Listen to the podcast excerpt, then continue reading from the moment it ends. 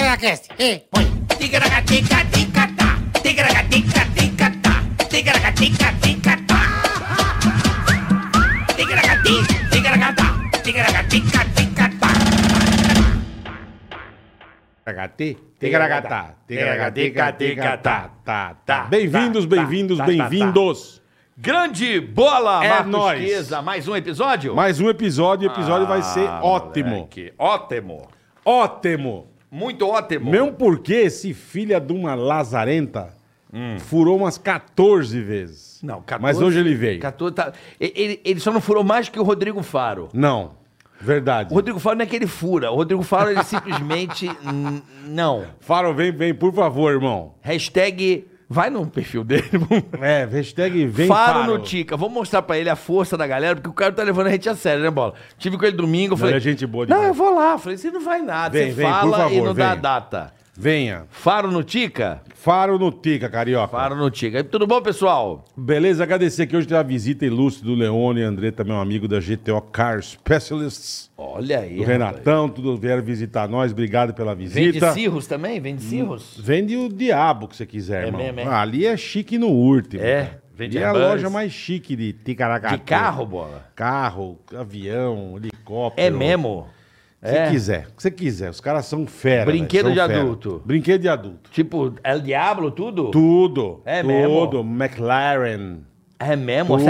720S? Tudo. Oh my God! Cena, tudo, meu Tudo? amigo. É cena? Tudo, tem tudo lá. Pô, lá a tem cena tudo. aí é braba, hein? Aí Lá os cara- tem tudo, é irmão. É mesmo, cara. Obrigado pela visita, irmãozão. Obrigado, sejam Valeu. bem-vindos, tá? E estamos ao vivo aí pra vocês. Hoje É- vai é ao ser vivo? bacana. É ao vivo. Você mandou um, um castechano. É ao vivo, eu É ao mandei? vivo, é, falei é ao errado. vivo. É ao vivo. Língua- ao vivo. Tá com a língua mole hoje, pô. Hoje eu tô, tô zoado, Tamo cara. cansado, Ai né? do céu. Trabalhando pra caramba, né? Pelo amor de Deus. Joguinho foi bom ontem, Foi bola. bicho. Mandar um beijo pro Silvio Luiz, Manda pra um todo beijo. mundo do R7. É isso Foi muito aí. legal, cara. Foi muito divertido ontem. Audiência espetacular. Obrigado a vocês também pelo carinho.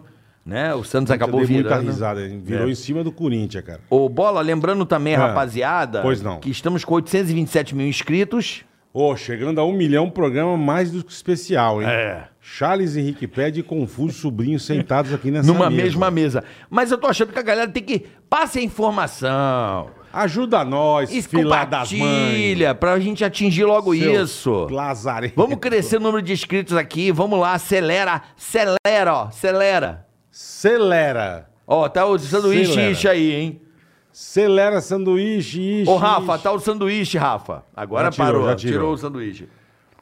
Então é isso, rapaziada. Chegando a um milhão, programa especial. Então inscrevam-se no canal, curtam, compartilhem. Ative o sininho. Ajuda nós, ative o sininho. A grela que tem uma grelha, é, ative a Ative o sineta. sininho. Isso, porque- Faça tudo pra ajudar Você nós. sabe por que que ativa o sininho? Pra, pro cara receber o, A informação que o tá aviso começando. que estamos ao vivo. Isso aí. Não é não? Boa. E do- dos cortes também. Aí na descrição do canal tem um canal de cortes oficial. Isso. Você ativa a sineta lá também, porque você começa a receber os cortes quando sobem também. Tá certo? Perfeito. Só que às vezes a pessoa não tem tempo de assistir o episódio inteiro. Não, lógico que não. Mas eu tô tendo um feedback aqui, nós, né, nosso levantamento de pesquisa aqui, que não é esses que tem por aí, Não. aqui o dado é preciso.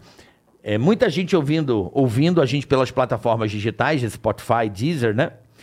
E na academia ou em viagens, eu recebo muito feedback. Outro dia até repostei um vídeo do cara viajando em Portugal, você viu isso aí, ouvindo a gente Vi, na vi, vi, viagem. vi, verdade. Muito então, legal, Assim, muito, muito legal, legal. saber que o programa Rapaziada na Estrada aí bota o programa. Estamos na Europa. E vai na viajando com a Ásia. gente. Capota o carro ouvindo. Ah, já vai pro inferno. Então, mas isso é só pra quem, bola? Só pra quem dá o dislike. Não gostei. Se quem dá o like já dá agora. Ah, tá dirigindo, dá aquela pescada assim, já capota que é cuspido pelo vidro. Sabe que o carro capota, você vê a pessoa rodando no céu assim? Isso, igual um Acontece boneco. isso, é. Igual um boneco. Igual um boneco, esqueceu de pôr o cinto, pá, marcou, que cinto é obrigatório, é importantíssimo. Mas você esqueceu, né? Ah, dei o dislike, o cinto, ah, pá, voou. Voou. Voou. Voou que a virilha vem Ah, parar onde? Na virilha costa. para no olho.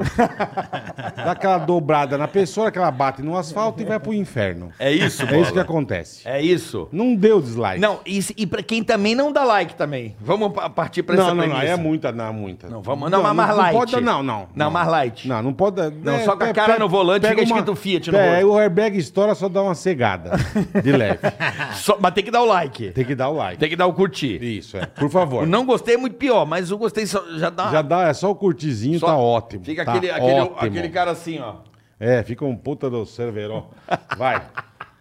Com o olho na bochecha. Lembrando que tem um superchat, né, Boleta? Temos o superchat. Você quer mandar recado pra alguém? Quer fazer pergunta pro nosso convidado? Quer terminar um namoro, um casamento? Ou quer conquistar alguém? Quer que a gente fale da sua empresa, da sua firma, do seu negócio? Mande um superchat. Quer é voltar a falar com o pai, com a mãe. Também mano, falamos aqui. Recado de amor. Recado de amor, de ódio. Como é que é o negócio secreto que falava antigamente? É... Amigo secreto? Não, é recadinho de amor secreto? Como é que era? É Correio elegante. Correio É isso aí. elegante. Correio elegante. Correio Obrigado, elegante. é Carlos Eduardo. Correio elegante, sabe aquela Carlos coisa? Eduardo, Porque a ok. pessoa, a pessoa ela, ela quer falar pra alguém que gosta, é uma merda, né, bola? É difícil, eu, eu acho difícil. Mas por aqui pode. A gente lê pra pessoa. ler. A gente Hã? manda recado, tipo, Leone manda para a Mariana. Mariana, Eu te queremos amo, o querida. toba. tipo isso. Aí, essas Ah, pronto, coisas. já, já fizemos um casal. Fizemos um casal. Pronto. Já conectamos. Era. Bora. Então tá bom, tá aí regras, superchat. Tá aí no chat uma linhazinha azul, você vê as regras e na descrição do canal Boa, também. boa. Pra você ver como é que você invade a nossa transmissão. Você pode invadir, se você também tem um pequeno negócio digital, quer divulgar aqui, cola aqui Divulgamos, também. divulgamos. Divulga e vem na descrição do canal, correto? Perfeito, Tudo certo? tudo certo. Falta mais um recado. Qual seria? Os patrocinadores do dia. Opa, hoje, se você quer viver como o Neymar Júnior, você vai experimentar hoje no pokerstars.net. Tá aí já o QR Já Code. tá o QR Code na tua tela, então Já vai acessa baixando. pokerstars.net é demais. É isso aí. Você vai experimentar Eu adoro Ser como bola. Neymar eu, eu, Júnior, eu, meu amigo. Sem sobra Um de torneio. Um dúvidas, é, é um dos esportes que eu mais curto hoje. boa, O pokezinho. boa pokerzinho. Tá certo? E, também a ProSoja. A ProSoja Mato Grosso, Nosso- espetacular. nossos amigos da ProSoja Mato Os caras Grosso. são o celeiro do Brasil, meu amigo. É Os isso caras aí. são É o sensacionais. core, é, é o core da nossa economia. em breve tamo junto, em breve. Em breve estaremos aí no Mato ProSoja Grosso. Mato Grosso, Nós vamos valeu. fazer um episódio no meio da soja. Na colhedeira. Dentro da colhedeira, lá, fazer uma cabine as colhedeiras. Isso. Não é não? Boa, rapaziada da ProSoja isso Mato aí. Grosso. É nóis, hoje Vamos tem. Ah, nessa e recebendo essa figura Eu não ímpar. canso de falar que eu acho que eu sou o cara que eu sou mais fã. Você é o mais fã dele, Sou. bola? Ele é... Ele é o melhor stand-up comedy pra você. Sem dúvida. Sem Dis- dúvida. Disparado. Porque ele, porque ele é um puta lixo, cara. É mesmo, é. Ele não vale nada. meu. Ele é um figura, cara. Esse cara é maravilhoso. Ele tava tão desgostoso que você não vinha. Tava, tava Ah, mano. triste, ele tá- tava cara. desapontado. Aí Eu marcava, porra, não vai conseguir vir. Pô. Dá não, mano. Dá não, eu tô, tô me cagando aqui. É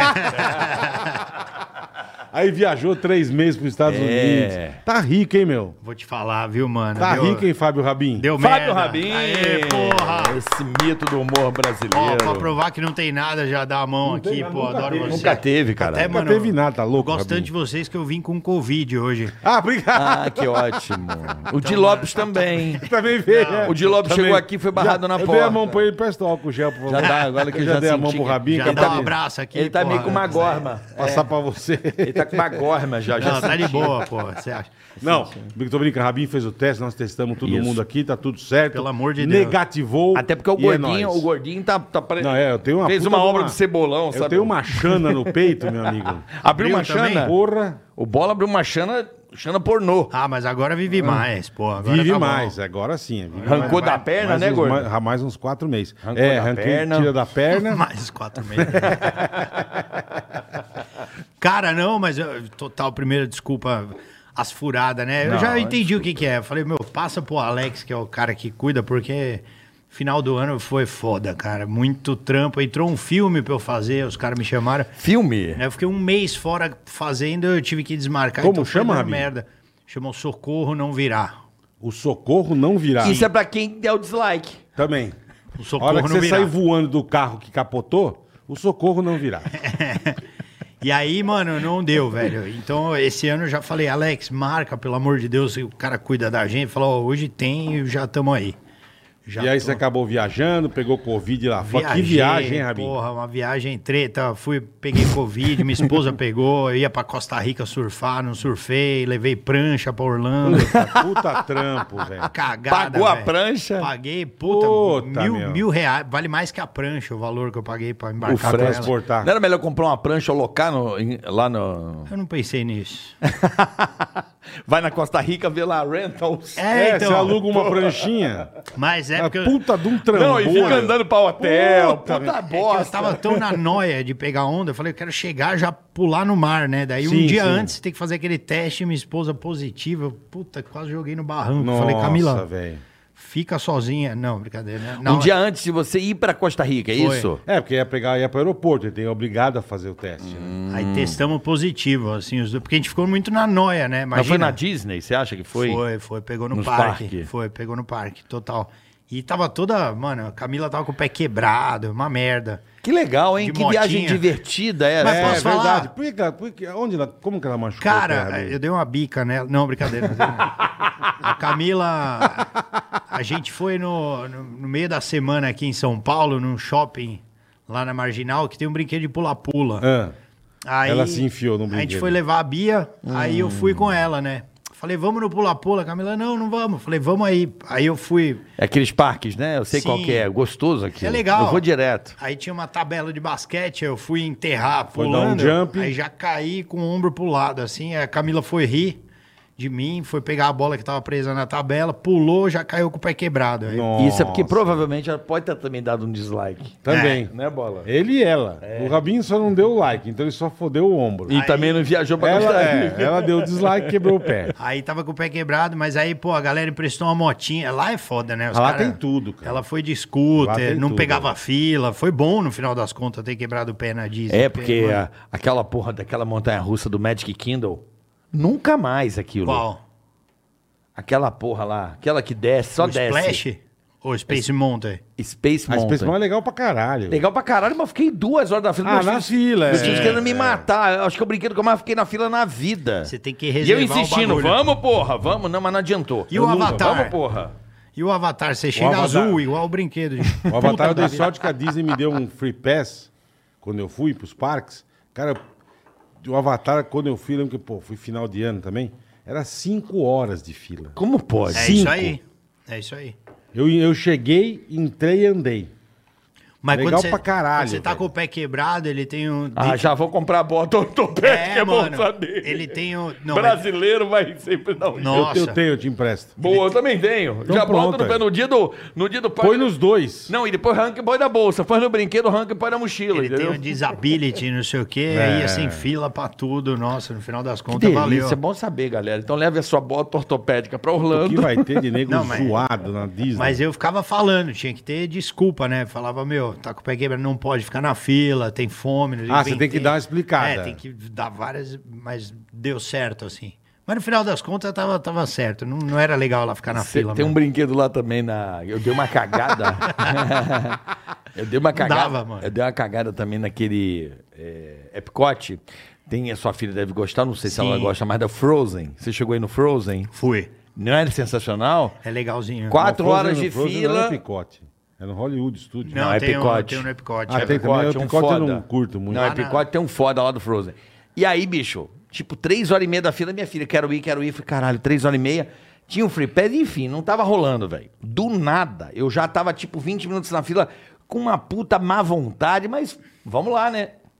Do nada veio um casal e falou assim: Oi, tudo bom? Toma aqui. Me deu um tipo um papelzinho. Um Um VIPzinho. free pass, cara. Não queriam ir, deu assim. Ah, desistiram. Puta, eu falei, caralho, posso dar? um- Eu fico pelado aqui, obrigado. Sim, mano. Não, mas lá é muito legal, cara. Lá. Imagina agora teu próximo show que você usa sempre coisa da tua vida, vai ser maravilhoso. Nossa, né? cara, então, eu tô até tomando Porra. várias águas aqui, porque eu tô meio de ressaca, assim, porque ontem eu testei um show novo, eu tava Que muito susto, com o cu eu na mão. testei.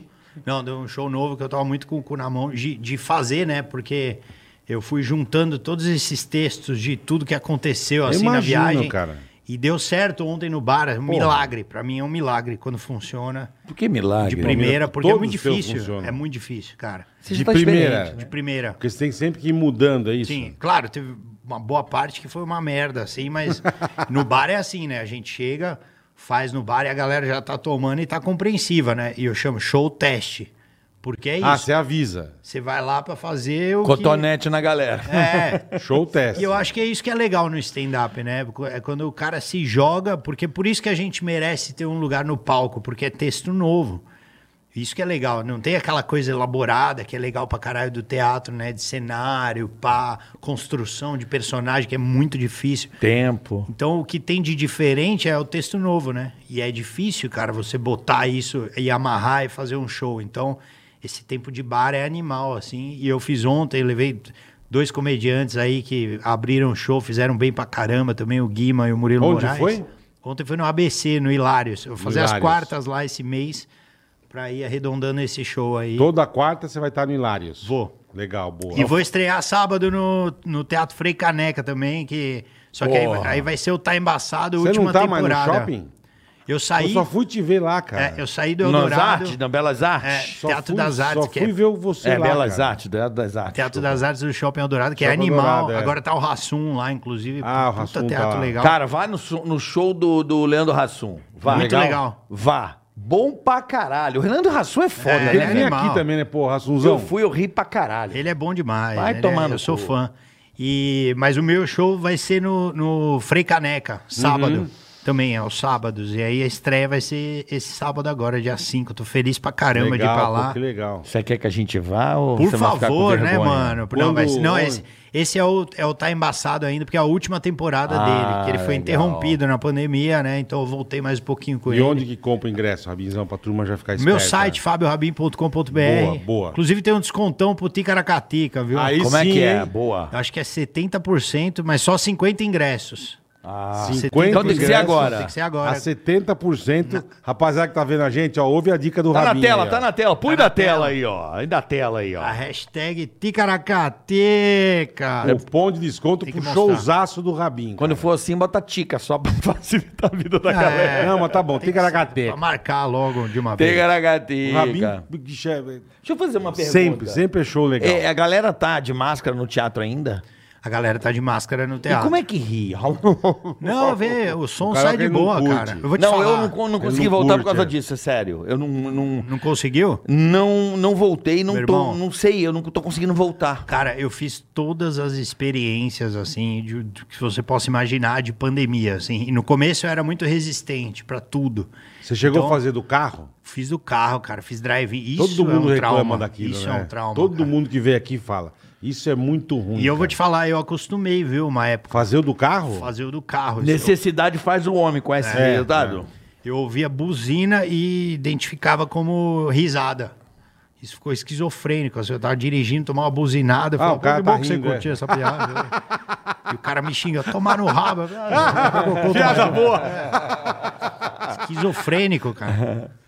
E eu tive que estudar E você sobre foi carro, testando pra pô. caralho. Fui testando, fazendo show. E, pô, mas é meio cenas tristes, assim. Tipo, pô, às vezes sobe num drive-in no palco, frios, aqueles. é, é, como é que fala? Alphaville, sabe? Batendo uma ventania, você em cima do palco, o vento quase leva você Aquele embora. monte de carro. Aquele a galera- vento com Covid Porra. também. É, e você meio triste, assim, né? Tipo, morrendo gente É. pra caralho. Você tem que fazer o- galera rir piada com aquilo e, mano. Aí xinga o Bolsonaro, sai uma caminhonete do show, vai embora. uma merda. Os caras vêm com o carro, não dá nem pra O cara, disfarçar. vai- né? o cara sai uma puta picape e vai embora, assim, né? Com, com a- Puto com a pra bandeira caralho. do Brasil, buzinando. já. Tomar no cu, Rabinho. Puto pra caralho, meu. Que do caralho, Mano, velho. altas tretas. Puta, Fiz meu. live pra caralho também. pra- Live foi legal, assim, esse, esse processo da live, porque é uma coisa também que eu achei que eu não faria e acabei fazendo. E, pô, foi muito legal, cara. Principalmente porque eu acho que é uma coisa que veio pra ficar, sabe? E é muito bom pra gente que faz comédia, porque te proporciona você fazer várias no mesmo dia da sua Uhum. casa. Então, às vezes, tem uma empresa de brasileiro lá em, no Japão jamais seria viável pra eles a logística de contratar o Carioca, o Rabinho Bola pra ir lá. E, meu, agora você Não, o meu, faz. o meu é bem viável. Você faz ali no computador e. Mas sexo o cara tá virtual, lá. né? Sexo virtual. Sim, mas você goza, do mesmo jeito, mano. É, goza, né? Ainda mais nós que é casado, pô. É, ó. É a única forma que tem, pô. É. importante é isso, né? A galera Importante se diverte, é ter mano. prazer, né, É, Rabinho? pô. Ter prazer. Caralho, velho. Mas é, esse, esse, é, o que eu percebi em relação a, sh- a- não digo show, em, em- e o que funcionou no meu caso, provavelmente funcionou isso pra você também, era entrar nos quadradinhos das empresas e causar. E isso funcionou muito. Ah, isso é... Do tipo Paulo, Fernando, você vê o nome dos caras, aí você vê os caras meio dando uma dormida. Eu Falei, gente, olha só o Fernando. É mesmo. É, eu fico- tipo, você fica 40 minutos no meio da reunião dos caras, do nada você aparece. Entendi. Então isso funcionou muito. No Zoom, você falou? É, reuni é tipo um evento dos caras é um evento online. tá, juntar Aí do uma nada galera. a gente entra pra dizer quem ganhou, não sei o quê, Tá, papapá. tá, tá. Só que vai causando com a galera, né? Aí fica o espetáculo, né? Não, você E aí entra- você fez live também? Fiz live pra caralho, tipo, meu, isso aí foi, foi muito legal, cara. No final do ano, assim, dezembro, o primeiro ano de pandemia, eu dei uma recuperada que eu fiquei muito feliz. Falei, nossa, que alívio. Ma- ma- Mas, mas chegou a apertar o toba, Rabinho? Cara, no começo da pandemia. Você falou, fudeu, não tem mais teatro, não É, tem não- mais bar, não tem mais nada. Quando É igual começou- o Carioca. O Carioca tava fazendo um puto espetáculo maravilhoso. 10 de março. Aí veio É. o bagulho e pá! Meu, eu tava com- com- no começo da turnê, o terceiro show, É. no Rio, Teatro Casagrande, mil pessoas. Foi meu último show e não mais entrei. É. Parou. Mas comigo foi exatamente isso, Eu assim. lembro né? você, pô, eu, não- eu fui várias vezes no Eldorado, a porra estrumbando sempre. Sim, lotando sempre, pra caramba. Sempre, cara. E aí, mas é, eu- no meu caso tinha Camila, né, também.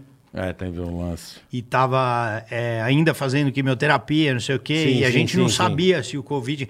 Todo mundo É, acreditava puta que cagaço, é. pegava mais. Então eu eu fui o primeiro cara a cancelar show por conta do corona no Brasil, devolvi o dinheiro, caralho, não sei o quê. E, mas hoje eu bato no meu peito, mano, e porra, foi da hora ter feito isso. É porque você tava com uma Eu Tinha uma pessoa em piada que casa. acabei esquecendo, fica pro show. Mas enfim, mas é Mas verdade. tinha uma pessoa, é, no caso, a sua esposa estava fazendo um tratamento, ela estava realmente co- Sim. debilitada. debili- Meu, a Debilitada, gente é. foi pra um sítio, cara. A gente fugiu, alugou um sítio. Ficaram isolado, enfiado né? no mato. Porra, e fomos pra lá. E aí, os primeiros meses eu fiquei de boa, assim, que eu falei, pô, não, trabalhei, tenho reserva, né? Tá, não sei o quê. Foi passando os meses, eu falei, eita, Tá fudendo. será que não volta mais, né, mano? E eu, pô, eu gosto de surf, tava andando a cavalo, eu com um caseiro, assim, um caseiro me ensinando a botar a ferradura no Aham. cavalo. E eu falei, mano, Que que, que situação. vida é essa, né, cara? O que, Que que eu tô fazendo? situação. E aí uma. uma e eu, eu era muito contra esse negócio de fazer live, essas coisas, porque eu sou muito. Eu tenho muito medo de. Quando eu, tipo, grava o meu texto, bota na internet, você Aham. perde o material. E você não tem controle. Quando você faz uma live, Não, você não sabe não. quem tá filmando.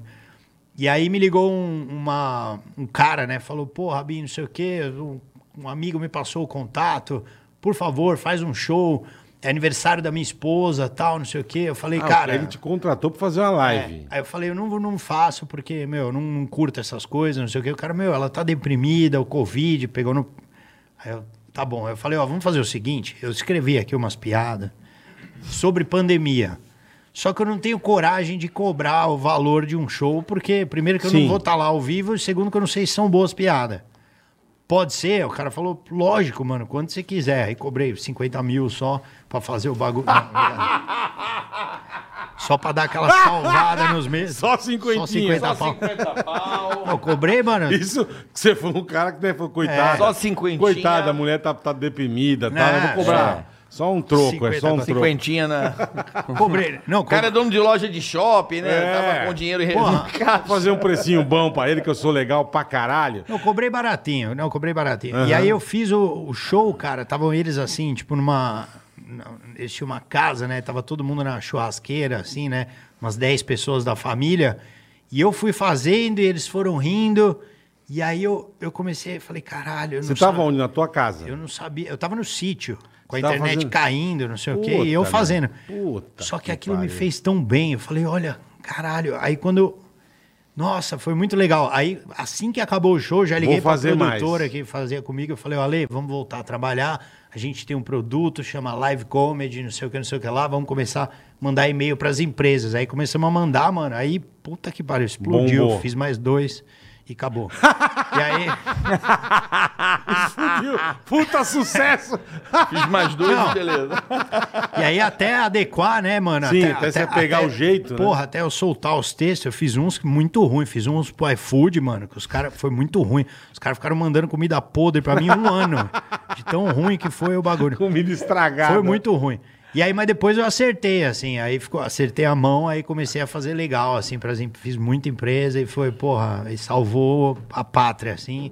E aí eu abri a cabeça, falei, cara, vou fazer o que tiver, fazer assim, pra live, o divertir que a galera. É. aparecer, eu vou- Fi- E umas experiências, pô, buzina é uma merda, uma merda, mas, pô, olha que legal, fiz um Aí show isso é na engraçado pedreira, que cara. Todos falam.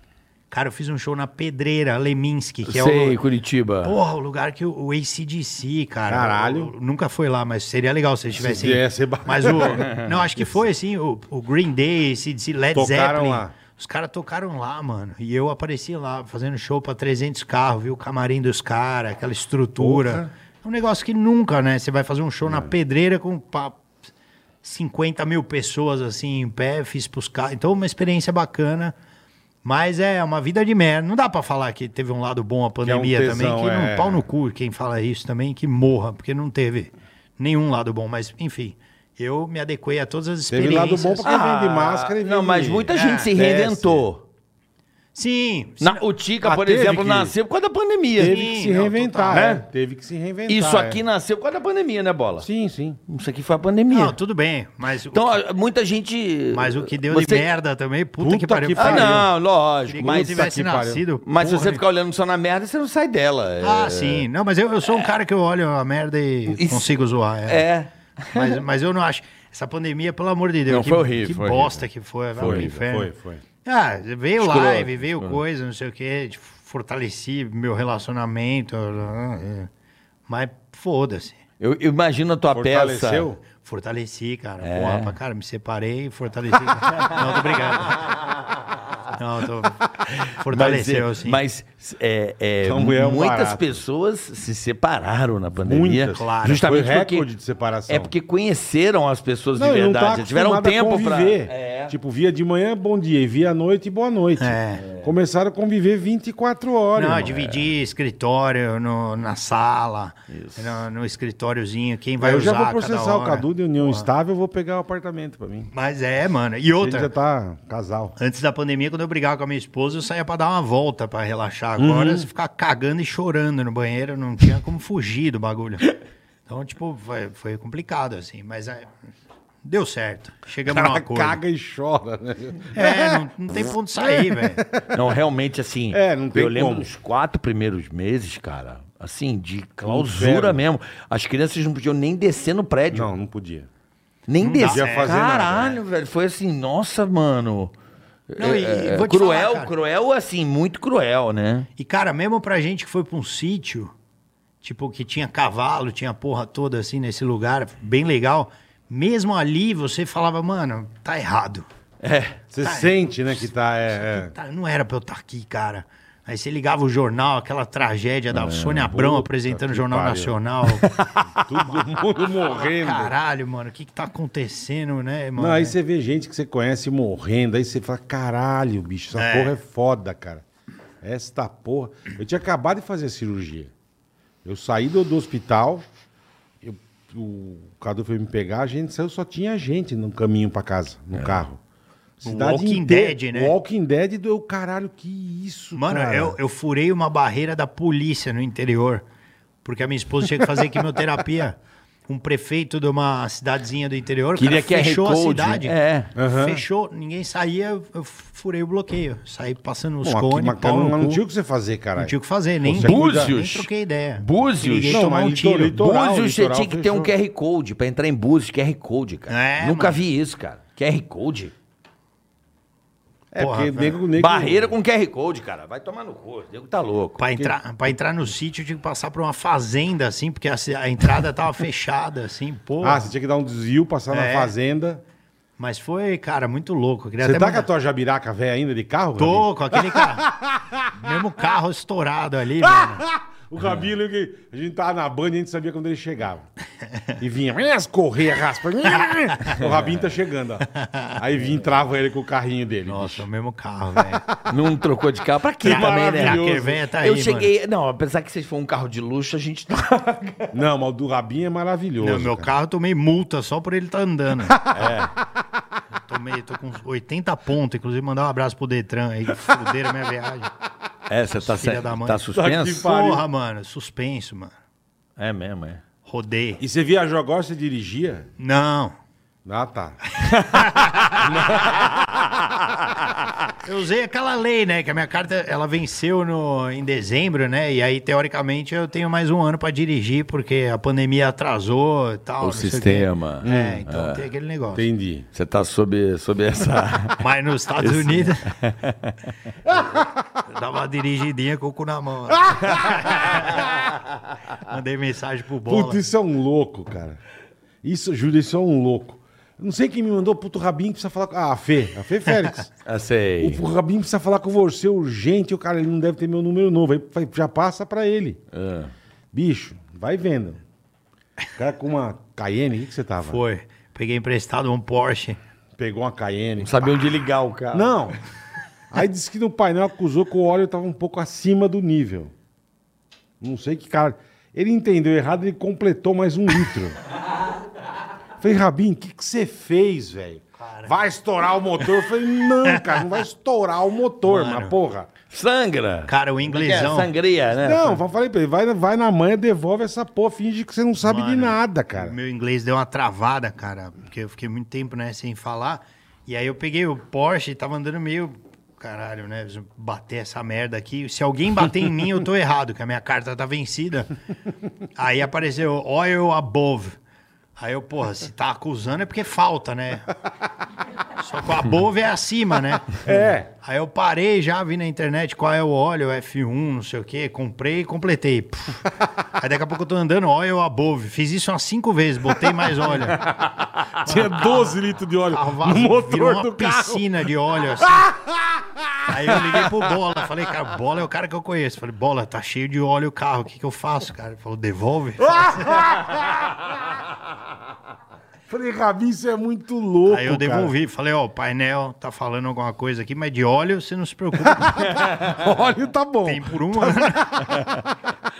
Tomara que- Olha, tem pra vida Pô, inteira. tomara que não quebre aí esse Porsche. um Não, abraço mas pra não vai. Priscila aí. Não, é, é só dar uma. Como é que se dá o nome, Puta, bola? bicho. Tem um nome, né? Chupisco, né? Tem- Chup- Não é- Chupisco, não é- chupisco. é, sangria? Eu Não sei o nome. É sangria? Eu Não sei. É, o cara tem que botar lá ó, Ele- um a bomba lá. Não, né? ele A bota o bomba, pininho, sugar escorre óleo. o, a- o óleo pra ir embora Não e entendo bota óleo novo. Porra nenhuma de carro, Nada. cara. Não Ai, tem caralho. nada, Agora com mano. carro elétrico vai acabar a um- boleta. Não precisa botar mais Precisa óleo, botar pelo mais menos, óleo. é. Tesla. Mas precisa O ra- botar energia, viu, famoso Rabinho? O Bola- o Bo- É. Larissa Manuela, né? O Tesla. O Tesla é. O Rabin vai se dar bem com carro elétrico, porque ah, três Vai. anos você levar revisão. Vai, ele vai parar no meio Ah, dois da anos. rua toda semana. Não vai esquecer de carregar? Ah, isso é verdade. É, não. Vai parar Você é na desse rua. que fica com o iPhone descarregado? Se chover é foda, né, mano? Não, não, porque se chover e ficar o tempo fechado, como é que ele carrega? O carro não é energia solar? Não, Rabin. Ah, é, eletro... é, tomada, né? Mas você pode andar. O cara fez uma ideia que você ia amar. Ele anda com o carro elétrico, atrás ele engatou uma carreta com um painel solar. E bateria. Ele vai andando e carregando o carro ao mesmo tempo. Tá, eu quero ver ele Ó fazer que isso na gênio. Inglaterra. Ah, então. o cara é genial. Falei, pô, ele vai andando e carregando com, com, com placa solar, cara. Já vai direto. Eu não sei nada de carro, velho. Eu, eu- eu comecei a estudar um pouco pra- por causa do drive-in, né? Que tinha que fazer piada de carro. Eu não sei o que, que é o quê. Você não sabe? Não sei- a única coisa que eu percebi é que as pessoas, elas tentam se esconder um pouco atrás do carro, Hum, né, Bola? Pra ter o carro chique, assim, o cara... Aí tinha... Caralho, o Ah, cara para num puta Pô, carro e o- desce. o fala, cara é do "Caralho". sítio, até o, o Anderson, né? Que foi o caseiro, que O a gente pegou Anderson. uma puta amizade, gente boa pra caralho. Ele gosta de carro. E ele tem um Opala, né? E eu acho um puta É, você carro vê- legal, vê velho. que ele gosta bastante. É, Não, ele gosta. Eu cheguei pra ele e falei, ô Anderson, da hora, você tem um Opala, né, mano? Ele falou, não, sou colecionador. Aí sim, Eu é. falei, aí, mano, Aí é que, chique. que outro carro você tem? Ele falou, não, só o Opala mesmo, tô. Ele Começando. coleciona, ele só tem o Opala. De vez em quando eu faço Uber com ele, eu falei, pô, É, pô, pode ser o Uber Classics, caralho. Pode ser. É inventa- uma categoria, inventa- Uber Classics. inventa- Você pode fazer com Corcel. é, Você o meu pode- Corcel tá quase pronto. Tá quase, tá 12 anos restaurando. Você- ah, eu vi 72. aquilo ali, pô. Ele tá 12 anos restaurando o carro. Nunca vi Não, isso mas na agora vida. vem, agora tá vindo, bola, tá vindo. Pelo amor de Deus. Tá 99, né? Esse, esse tá eu- Banfrey, 99. Esse eu vou fazer questão Chamou de um andar. arqueólogo. Esse vai ficar com Vou você. fazer questão de andar e cuidar, porque esse carro foi a restauração mais demorada da Caralho, história do né, automóvel. Não é, é que é, foi restauração mesmo. É o H-Menon, a- a- restaurou. Não, não. Você pode pegar um puta de um clássico top do mundo, não demorou tanto igual o do É que Corcel teve do que Carioca. refazer três vezes O o carro. Eu vejo Pereirinha as mexeu, fotos, né? fudeu, Você outro tava mesmo. cabeludo quando você começou a Tava, restaurar. tava Tá, cabeludo, tava cabeludo. Não tinha nem filho. Pô, tô restaurando aqui, cheguei em São Não, Paulo. ele comprou antes de casar. Ele comprou Mas, antes pô, de tá casar. bonito o carrinho, cara. Só falta agora o- aquele negocinho da traseira, rapaz. Friso o quê? O frizinho da traseira. Tá difícil de achar. Vou ter que mandar fazer. Fala, com- fala com o Leone que ele arruma. pra você. Leone, você arruma? Leone? Arruma. Corcel Vai, 72? que- ó, O que, que eu aprontei pra você agora? Aí, Leone, tem que arrumar. mas, mas, Rabinho, vamos falar da. Quando a gente se conheceu, do começo aí da tua carreira, que tem histórias maravilhosas que eu amo de paixão. As Não, o Rabinho histórias é do Rabinho. sensacional. As histórias do O Rabinho é um Rabinho. dos caras mais geniais do mundo. Ele ia com um puta de um moletom na rádio. Mas ia com esperma, ele falava que era paz de dente. É paz de dente. O Daniel falava, ó o Rabinho, o lixo que ele é. Ele chegava e parecia um mendigo bêbado, cara. Com esperma. Ia, o Rabinho era Ia com fudido. aquela- Não Aí era, um negócio branco, só Rabinho que isso. Caiu pasta de dente. É. Bicho, eu chorava de rir, velho. Eu chorava de rir com o Rabinho. O Caralho. Rabinho é maravilhoso. Porcão, né? Nossa, aquela Quanto época. tempo você faz isso, irmão? O quê? Profissional de Com comédia. esperma, não. Não, esperma na calça não. Esperma desde o Esperma na início. calça desde que você é moleque, né? Cara, faço show, acho que completou, vai completar uns 15 anos aí. Aquela época do pânico, meu Deus do céu, a primeira vez que a gente entrou foi uma coisa que foi uma surpresa. Carioca, né, me convidou, me viu assistindo, Eu fazendo achei, um eu show achei tão do caralho a hora que você entrou, num velho. botequim ali do aniversário do Japa, né? Você sabe que foi assim, né, Bola? Você não Foi? sabia, Não, não né? sabia, não sabia. Foi assim. Eu conheci o Rabinho com aquela camisa. Você é a camisa até hoje, tá Você usando? foi fazer o aniversário Eu tenho a do camisa. Japa. Aquela azul, Sim, floral. Tá lá, Olha tá como é que eu desbotada, lembrei. mas tá lá. Você foi fazer o aniversário do Japa. Não, Foi. é, o Japa me chamou pra ir no O bar. aniversário dele. E ver o show no bar. Tá. Eu fui. Cheguei lá, eu conheci. Show do Rabinho. Aí eu falei, caralho, esse moleque é louco, hein? Já anotei, já. Emílio, tem um moleque. Aí ele, traz aí. Aí foi assim. Foi. Isso era começo da tua É, Fui eu carreira, e a Rabinho, ou Calabresa. não? Não? ali foi o começo, cara. Ali Comecinho. a gente tinha, não tinha nenhum ano assim de palco e, e eu é, fiz esse o aniversário do Japa, eu meio que eu sabia que vocês iam. Então eu tava meio esperto. Eu falei, puto, o bar é uma merda, mas acho que os caras vão. Aí eu fui já nessa intenção. Falei, mano, os caras vão, vão me chamar ali. Eu vou pá. Ah, dar um regaço. Aí eu fui lá e, pô, foi legal o show. E fui, só que eu entrei no pânico, eu não tava absolutamente nem um pouco preparado para aquilo. Porque eu vim do teatro, né? Então eu comecei a fazer humor, foi um acidente de trabalho. Foi tipo, foi um acidente, foi Por tipo, que, caralho? porque eu Você entrei- queria fazer teatro profissional, teatro você é sério. ator. É, e É. aí eu fazia as cenas de tragédia, a galera dava risada. Das, de todas as cenas. Imagina ele fazendo drama. é. E Assim, aí- ô, boa, A merda. preciso te amar. Não, é. Porra, umas puta cena, Eles cara. é Maia, não dá, né, Não mano? dá, cara. Tem umas cenas, eu fiz uma peça chamada Bent, que é uma peça do. O cara chamava Martin Sherman, a peça mais trágica do mundo, assim, que fala de Segunda Guerra Mundial, do nazismo, de como sofriam os homossexuais na época do nazismo, assim. E eu não sabia que eles sofriam mais que os judeus, né? Que eu sou judeu, a gente só vê o lado do judeu. Mas o homossexual era o que mais se fudia naquela época, porque teoricamente, para os nazistas, aquilo era uma escolha. Então o cara escolhia se fuder. Sim, sim. Ele escolhia ser discriminado por ele. E aí umas cenas muito pesadas, assim, pô, teu- na- o cara tinha que transar com um cadáver pra provar que ele não era gay. Tem isso na peça. Caralho. E eu fazia essa peça. E, e- e os caras riam disso, velho. Eu fazia umas, umas Vem cá, falas... assim- cadáver. não, é. um Eu falava. E eu era um, um homossexual, eu falava, eu não sou. como é que era? Eu não sou judeu, eu sou viado. Eu falava chorando isso e a plateia ria. E eu ficava puto. E aí, Zero Pô, credibilidade. era pra emocionar a turma, e a minha né? classe zoava comigo. Os caras falavam, mano, você tem que fazer tragédia, pô, comédia é fácil pra você, não sei o quê. Mas chegou uma época que eu precisei escolher, né? Tipo, ou eu sobrevivia daquilo, ou eu f- mudava de profissão, fazia outra coisa, que eu fazia relações internacionais também. Cara, que Tá louco, Ou eu ia Rabinho. pra economia, assim, p- política, essas Ele ia porra. largar a mão da, de ser ator e... Aí eu fiz um teste num boteco, assim, no, no Bexiga, que os caras faziam um show de piada. Passei, qualquer um que entrava passava também. Não tinha muito... Menos um o Morgado, que Não tinha- não a tinha- porta era estreita. Não, aí É, o Morgado não passava. não tinha velho. critério, né? Esse show... você- o show era do Pierre, que namorava a Sil Esteves. Puta, parabéns, hein? Quer dizer, há 15 anos atrás. Tá certo. é A Sil Esteves era prati- a co-diretora do show, pra você ter ideia. Caralho, Ela era velho. esposa do cara que decidia quem entrava. Tá. E aí eu entrei, claro, né, no bagulho, e a gente começou a fazer o show de piada e tal. E no meio eu comecei a fazer stand-up no meio do caminho. E aí, enfim, a gente Mas se você encontrou. falou que você fazia faculdade de quê, você falou? Relações, Relações internacionais. Mas mesmo antes já queria ser ator, mesmo de moleque. Não, eu só, eu só fiz essa. Não, de moleque não. Eu não queria ser, porque a minha irmã é atriz, eu, eu nunca Tua irmã quis é ser atriz? igual ela. Eu tenho Ah, uma ir- não sabia, Eu cara. tenho uma irmã que é atriz e ela é tipo ovelha negra, assim, do, do, do bagulho. Assim. Tá. Do rolê. Ela é, mano, meus irmãos, todo mundo comendo bonitinho na mesa, ela chupando o dedo. fra- Ela meio. Ela é muito louca. É cara. muito atriz mesmo. Muito engraçada, cara. Ela começa a cantar. Ó, preparei um número de teatro. Começa a cantar uma música em Do alemão. nada. E ela é Não profissional até entendi nada. hoje? Ela dá- deu aula na Grécia. O cara, Caralho. Pô, ela é foda. Ela mora hoje em Portugal fazendo doutorado. Ela mora no mundo inteiro. assim. Ela é muito inteligente. Ela manda umas teses de doutorado e vai se mudando pra cada lugar pra pesquisar Caralho, teatro. Cara, ela é Demais. cigana, mano. Ela é. Demais, cara. É isso mesmo. Ela é bem, tipo. Eu não sabia disso, não. Que louco, Rabinho. Só que a primeira peça que eu assisti foi uma peça dela do Zé Celso. Puta que pariu. E aí eu traumatizei, porque eu tinha- Imagina. eu tinha uns 10 anos, minha irmã apareceu em cena com, com os peitos pra fora, Puta mano. Uma que- bandeja de fandango. aí eu falei, ah, vai tomar no cu esse teatro aí, mano. Porra. Que porra é essa, né? Que merda é essa? aí é. puto, falando, meu, vai pro inferno essa profissão, você Mas faz... isso é engraçado, Minha irmã é cara. teatro, eu falei, não, Porque você faz minha, a minha- pornô. A minha, mãe dava aula de teatro também, dava na PUC, enfim. Minha mãe, minha mãe foi uma puta professora. É. Que também. legal. A Titiolina que É, Titiolina Chiesa. e aí, cara, minha mãe nunca falou um palavrão na vida, nunca vi minha mãe. E uma vez é uma peça, vai, vai a família tudo a ver, porque tem que ir, por causa da que é mãe, né, cara? Pô, vamos lá. E mandando uns puta palavrão, e eu, caralho, que porra é...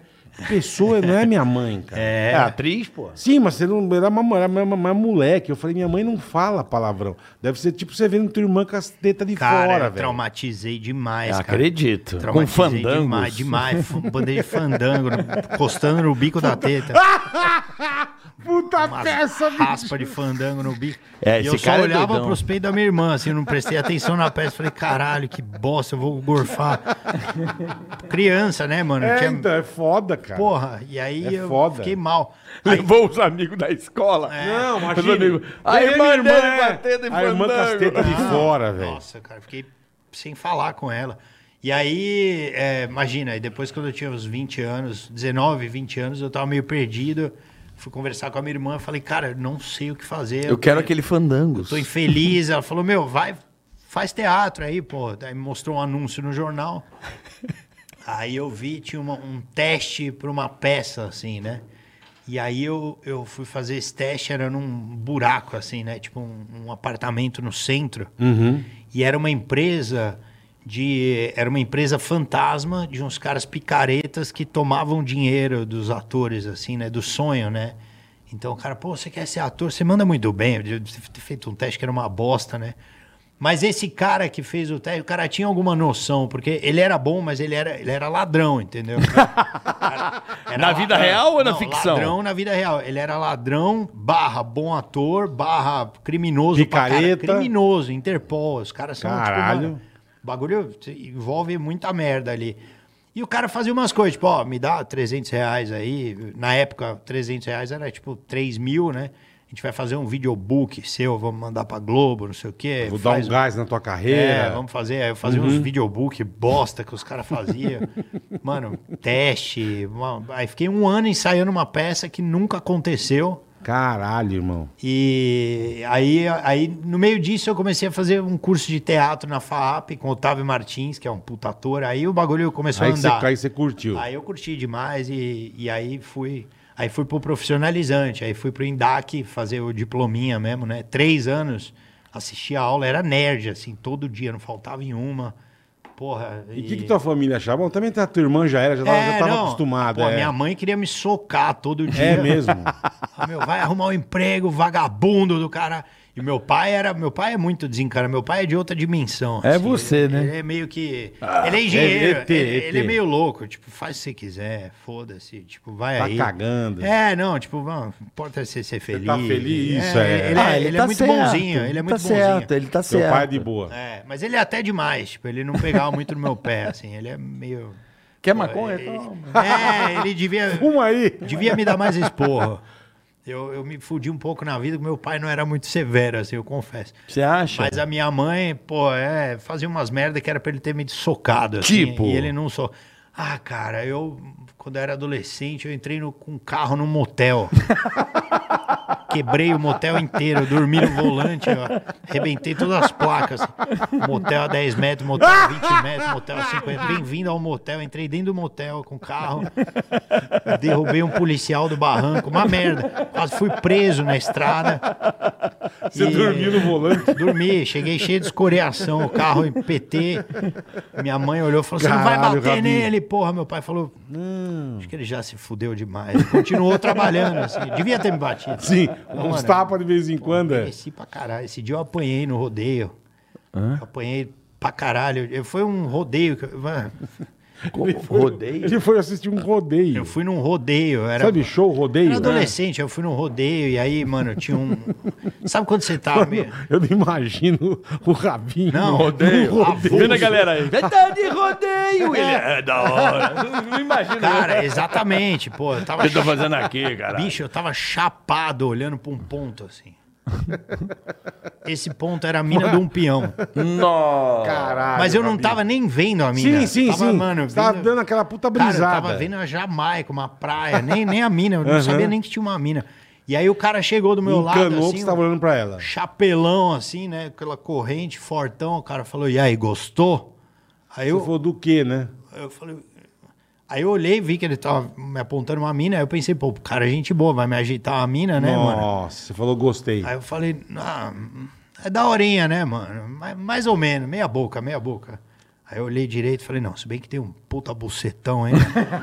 juro, juro. Aí eu virei pro lado. Foi uma só, velho. Eu tomei um soco. Mas eu tomei um soco, eu voei um quilômetro pra trás, assim. O cara tinha uma mão forte, o peão, mano. Voei pra trás. É Aí eu levantei Caralho, assim, velho. dei uma no primeiro cara que eu vi. Aí meu amigo que tava de fora, viu que, meu, o cara bateu, veio os amigos dele pra me socar.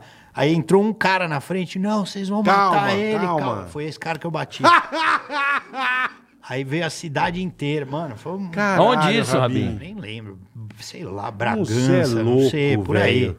Eu não lembro Você onde bateu foi. no cara que tava te ajudando. Não Eu faz fazia sentido. muita merda, mano. Não faz sentido um cara que surfa vir numa festa de Não rodeio. faz. Não, por isso que eu tô menor. falando, eu não imagino o rabinho tipo- num rodeio, cara. viagem de faculdade, sabe assim? Galera, ah, tem, tem uma casa, não sei o quê, daí eu Vamos caí viajar. nesse lugar e, puta, E, fazia e, muita e- merda. e- e o que que? Dente? Quebrou o quê? Não, eu quebrei, na verdade eu rasguei o cotovelo, porque eu tinha umas pedras no chão. Você aí eu caiu. Rasguei o cotovelo, meu rosto não aconteceu nada, não, só... Só Uma ra- rasgada. É, né? não, foi só um inchaçozinho assim na testa, mas não foi nada demais. Mas eu rasguei feio o cotovelo, acho que eu tenho até a marca aqui, ó. A buceta. Tem, tem, tem, tem. Que eu caí na pedra e aí rasgou, feio. Aí, ah, Caralho, Rabinho. porra eu nem- também não nenhuma. imagino você brigando, cara, Eu falei, assim, sabia? não, só apanhava, não brigava. Fazia muita merda, né? Eu já bati alguma vez, talvez. Bati. Uma vez que eu bati. Bateu. Eu, um cara chavecou uma namorada minha que eu tinha e eu fiquei muito chateado. Namorava uma mina mais velha. Você ficou chateado. Porra! E aí, eu, eu- porque eu, eu me, eu me sentia mal por eu ser mais novo e estar com ela, então eu fiquei meio assim, falei, caralho, eu não posso arrumar briga porque eu vou mostrar que eu sou imaturo. Eu tinha tipo Sim, 23, a sim. mina tinha 30 e cacetada, e o cara tava chavecando ela não meio posso que ser um babaca, né? escondido, né? Só que aquilo me deu muita raiva, então quando a gente saiu da festa, eu comecei a discutir com ela no carro. Falei, pô, você deu mole pro cara. Falou, não, não dei mole, não sei o quê. Aí quando eu cheguei em casa, me pesou a consciência. Eu falei, cara, eu sou um bosta, né? Eu briguei com ela. Eu tinha que brigar com o cara. Sou um covarde, vai tomar no cu, porra. Entendi, Aí entrei entendi. no Kung Fu. Porque eu falei, não adianta eu brigar com um cara Foi mais fazer velho que Kung eu e Fu. apanhar. Fui É, fazer foi Kung fazer Fu, Kung mano. Fu, Bruce Lee. E eu fazia Kung Fu, aí eu fiz três meses aula de Kung Fu, eu e um monte de criança fazia no Kung Fu. E o mestre falava, falava, ó, você nunca pode fazer Kung Fu pra agredir alguém, tem que ser defesa. E eu pensei, tá, pode deixar, eu vou matar aquele filho da puta. Assim Sei as que eu crianças. aprendi o golpe, eu e as crianças. Aí fiz o exame pra faixa do Kung Fu, É. eu achei que eu ia lutar com a criança, eu lutei com um, um cara que é o índio, que ele era pedreiro. E o índio, ele entrou pra, pra fazer o exame comigo. Eu achei que eu É. ia lutar com criança e fui contra o índio. Só que o índio tinha micose. Então ele veio lutar comigo de que chute. Caralho. Mano, eu pisei no, no tatame, ele me deu uma bica na canela, cara. Sa- saiu uma raspa de sangue. Em vez de eu continuar lutando, eu falei, vai se fuder, meu, de que chute, porra! E os mestres assim, tipo, mano, que idiota. E aí eu saí do Mas Kung Fu. ninguém luta Kung Fu de que chute, Esse velho. cara luta por causa da micose. Ele tem uma Então micose É. eh, lu- em loop infinito. que porra é? Eu não sei, ele tava de queixute. Eu fiquei puto. Falei, não devia lutar de queixute, né, cara? Que nem entrar pra. meu velho. Porra, entrar pra lutar boxe com martelo, né, caralho? Não é justo. E aí eu, eu soquei o cara, assim, eu fui pro bar, achei o cara e dei um murrão no cara com a técnica do Kung Fu. Fiz Kung Fu, li a arte da guerra e bati no cara. Entendi. E aí? Mas me arrependi pra caralho. A hora que saiu o primeiro sangue, eu, "Ah, eu comecei a chorar, eu fiquei mó Ah, triste. Você fui arrancou embora. sangue do cara. Pô, mas É, que eu fui vingativo. Quanto tempo depois isso? Quatro meses depois. Caralho, você voltou pro... pro- Você guardou Você isso? voltou pra cidade. Um curso de Kung Fu e a arte da guerra. Eu li e bati no cara. Juntos e... Que legal, Bati. hein? E hoje eu tô fazendo Muay Thai. Você faz uma Quer dizer, tarde alguém, hoje. alguém falou merda alguém, pra tomar. Alguém vai, vai pagar. tomar. Vai Alguém tomar. vai De- apanhar. Depois de uns seis meses vai Al- apanhar. Alguém vai pagar por alguma coisa. Ô, Bola, vamos dar o primeiro recado? Vambora, vambora. Vamos dar o primeiro recado. Ô, parça, o negócio Fala é o aí, seguinte, Você fala quer aí, Boleta. experimentar até a vida do nosso queridíssimo Neymar Júnior? A vida dele é assim, com lancha, futebol, é, troféu, título, essas coisas. né? Lancha nem tanto. Ah. Mas futebol e troféu sim, meu irmão. ah, tá. então conta mais aí, Boletar. É o Neymar Júnior Kickoff da PokerStars.net. Oh, aí sim, É hein, Boleta? espetacular, ó. Conta É aí um- pra é um- galera, como é que é um- isso aí? Esse, kick- esse kickoff, carioca, é um torneio nocaute em sprint. Hum. Então você vai o quê? Você vai vencendo e vai indo em direção ao gol. Certo? Vai, vai passando etapas e vai indo em Hum. Eu direção ao gol. adoro, eu adoro esse esporte. Eu Poker. adoro, adoro. Sento. Então, pokerstars.net. é isso Você vai aí. jogar com o Neymar Júnior. Kickoff Neymar Júnior. É. Aí você vai avançando em direção ao gol, mas você não usa os pés igual o nosso craque Neymar. Você usa as mãos. Exatamente. Usa Entendeu? a estratégia. Tá Na certo? PokerStars.net dá pra você jogar de graça. Isso, com moedas É maravilhoso, fictícias. cara, moedas é sensacional. fictícias. Então Então, aproveita, QR Code na tela, baixa aí, também tem na descrição, PokerStars, Você vai, Net, você vai Kickoff se Neymar sentir o Júnior. Neymar Júnior, É irmão. sensacional. Olha o que a PokerStars.net É faz. cara. divertido, eu adoro bola. Boa, boa. É um, é, é- é- é um esporte que eu particularmente pratico. Boa. De um tempo pra cá. Você já jogou com o Neymar Júnior? Eu vou jogar. PokerStars.net. Kickoff meu amigo. Neymar Júnior. Kickoff Neymar Júnior. É PokerStars.net. a sensação do momento. É isso aí. PokerStars.net, PokerStars.net. O nosso QR novo. Code na tela o já. nosso novo parceiro aqui no Ticaracati Muito bom, muito bom. Tá cara. certo? Um abraço aí pra galera da Ponto PokerStars.net.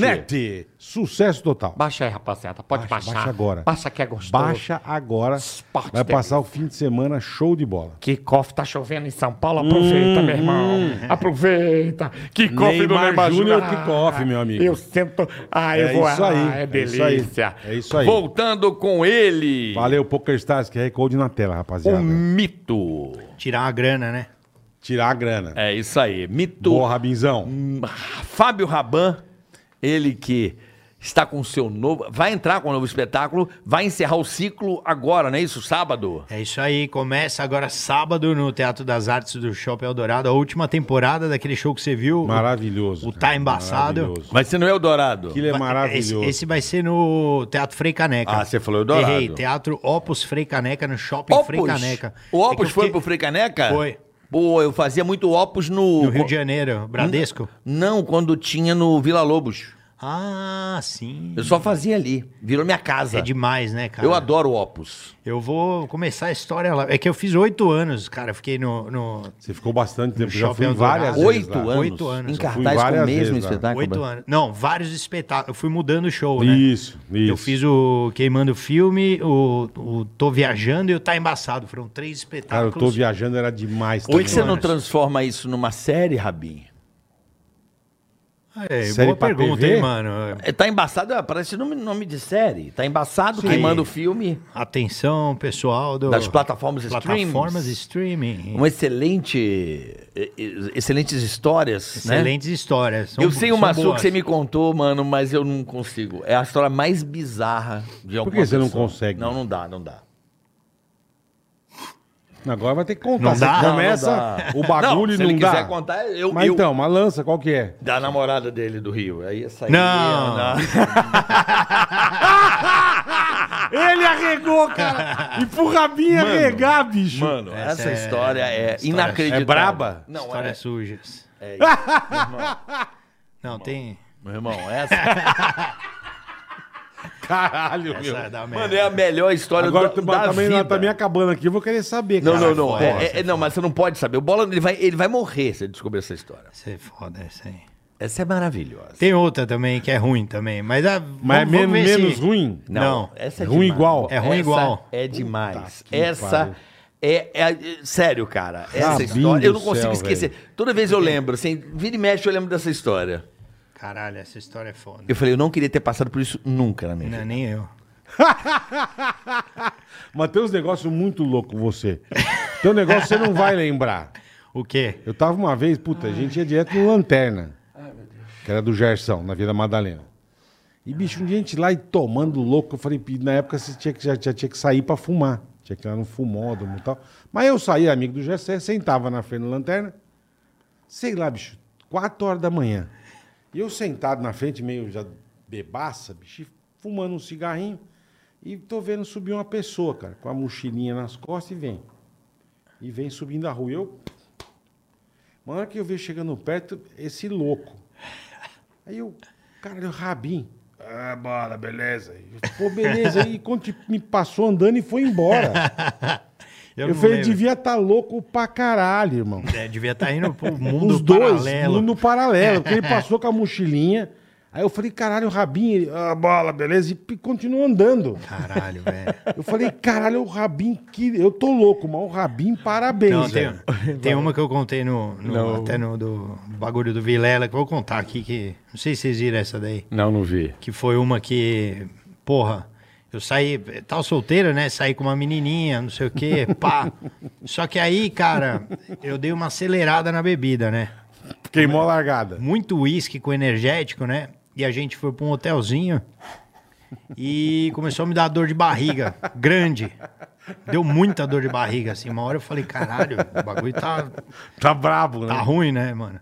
Vou ter que cagar, E né, É, eu meu? vou ter que dar uma cagada. Só que aí eu olhei o, o banheiro, né? Era aquele hotel pequeno, né? Não tinha grana pra pegar motel, Motel, cara e tal, tá. não sei o que. Era um hotel pequeno. E a porta era, era meio vazada, sabe? Meio mosaico. E era na frente da cama.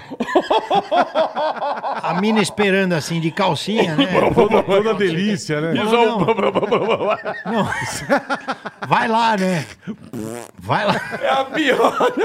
Não. É a pior, que bate na água, É. faz aquele puta barulho igual pedra.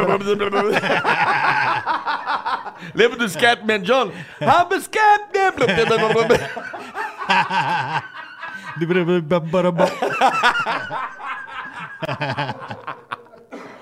Falei, mano. E aí?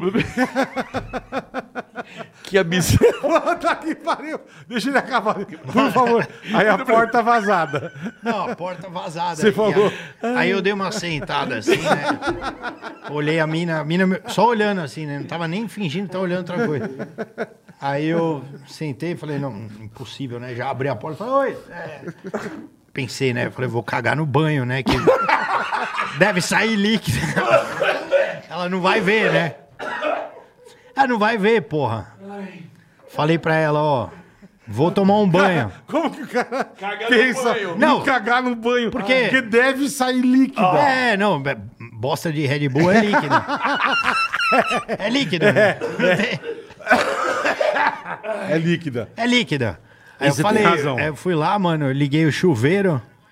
A hora que eu fui cagar, meu, eu juro pra você, eu caguei um homem. O bagulho foi desse tamanho, assim, um monte, assim. Uma tora. Eu falei, cara, o bagulho alto. Eu falei, mano, vai ter No que... banho? No banho. Aí eu falei, e agora, né? Como é que vai descer? Aí eu fui jogar pro ralo, eu pisava o bagulho e vazava entre os dedos. Você falou que era pra contar. Não queria ter contado. Aí eu falei, mano, não, não vai descer, né? Aí tinha uma janelinha, eu falei, vou jogar pela janela.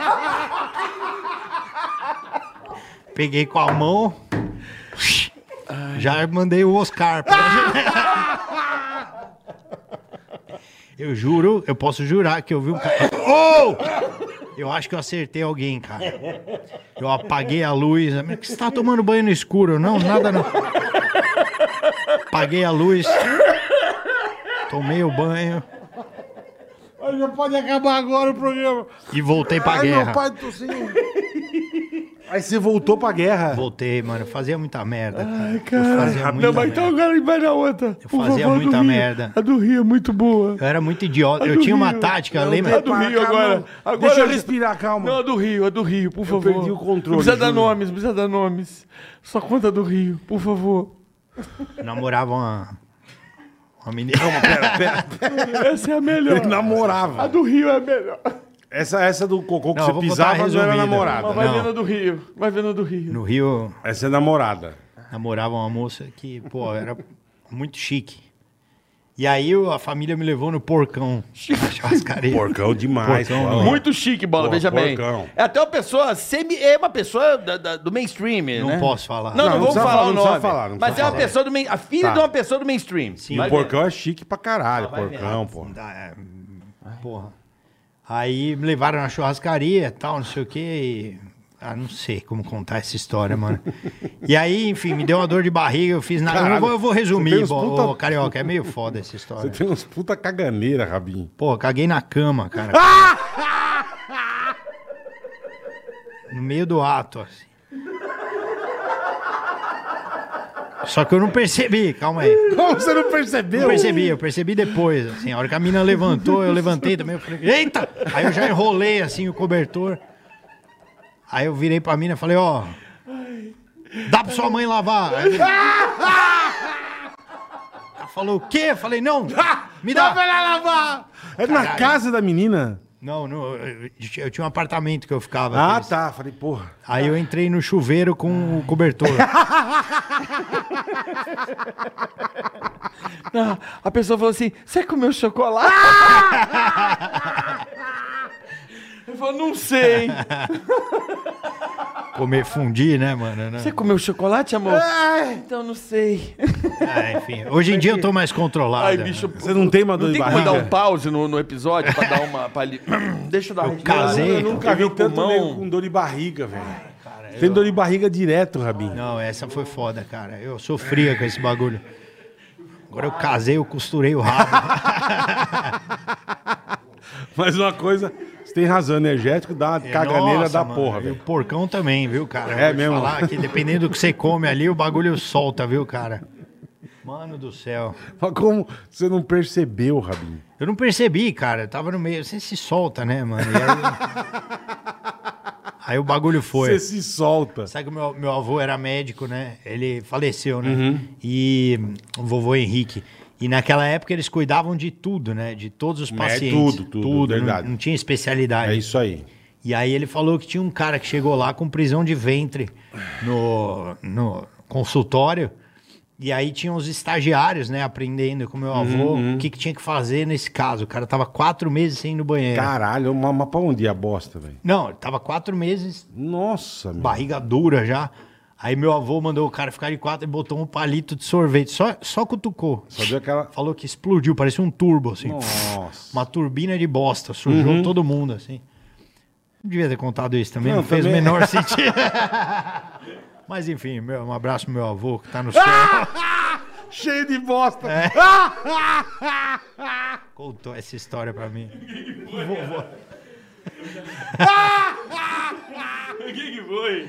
O vô dele! O que que O tem? vô dele! Ah, Peraí, caralho, acabei de vir de uma Ele asma. contou uma história muito avulsa do vô dele. nada Foi é mal a ver, de nada a ver. família. O que que eu vou desse cara? Não, meu avô era médico, cutucou um cara que tava com o intestino preso, o cara explodiu bosta na sala. Não teve nada a ver. Uma história sem sentido. Não comeu! Não Cutucou comeu. Com palito. O é vô Meu dele era avô. médico. O cara chegou no consultório e falou: Eu tô há quatro meses sem cagar. Quatro meses? Quatro meses. Meses. Aí o vô dele falou: Vou dar uma examinada. Botou o cara de quatro, pegou o palito e foi dar uma cutucada no toba. e disse que a hora que ele cutucou veio o jato de merda.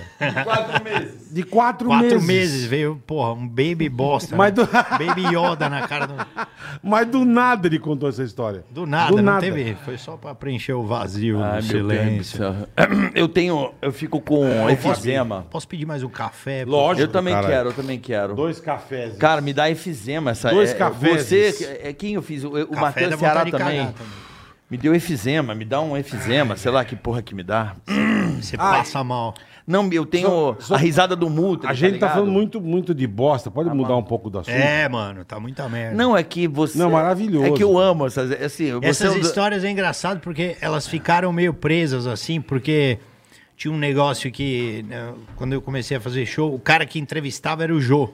Tá, Oi? tá. O Jô Soares, pô, o cara que, que salvou minha carreira assim, foi o Jô, né? É, por que, Nossa, ah, porque eu acho que foi o meu primeiro período de baixa, assim, foi a época que eu saí do pânico, o bagulho do gel, Wagner Moura, não sei o quê. É. Eu fui no Jô, mano, e puta, aquilo levantou Mas meu sabia show. que até hoje eu não entendi porque esse negócio do gel foi tão. Eu também não. É que você Mas, pediu- mano, é que não, você é- pediu Puta desculpa. boba- uma Na puta- verdade- É Mas é uma puta bobagem. Você cara. pedir desculpa. Uma puta bobagem. Na verdade. Não pede essa desculpa pra quem quer sangue.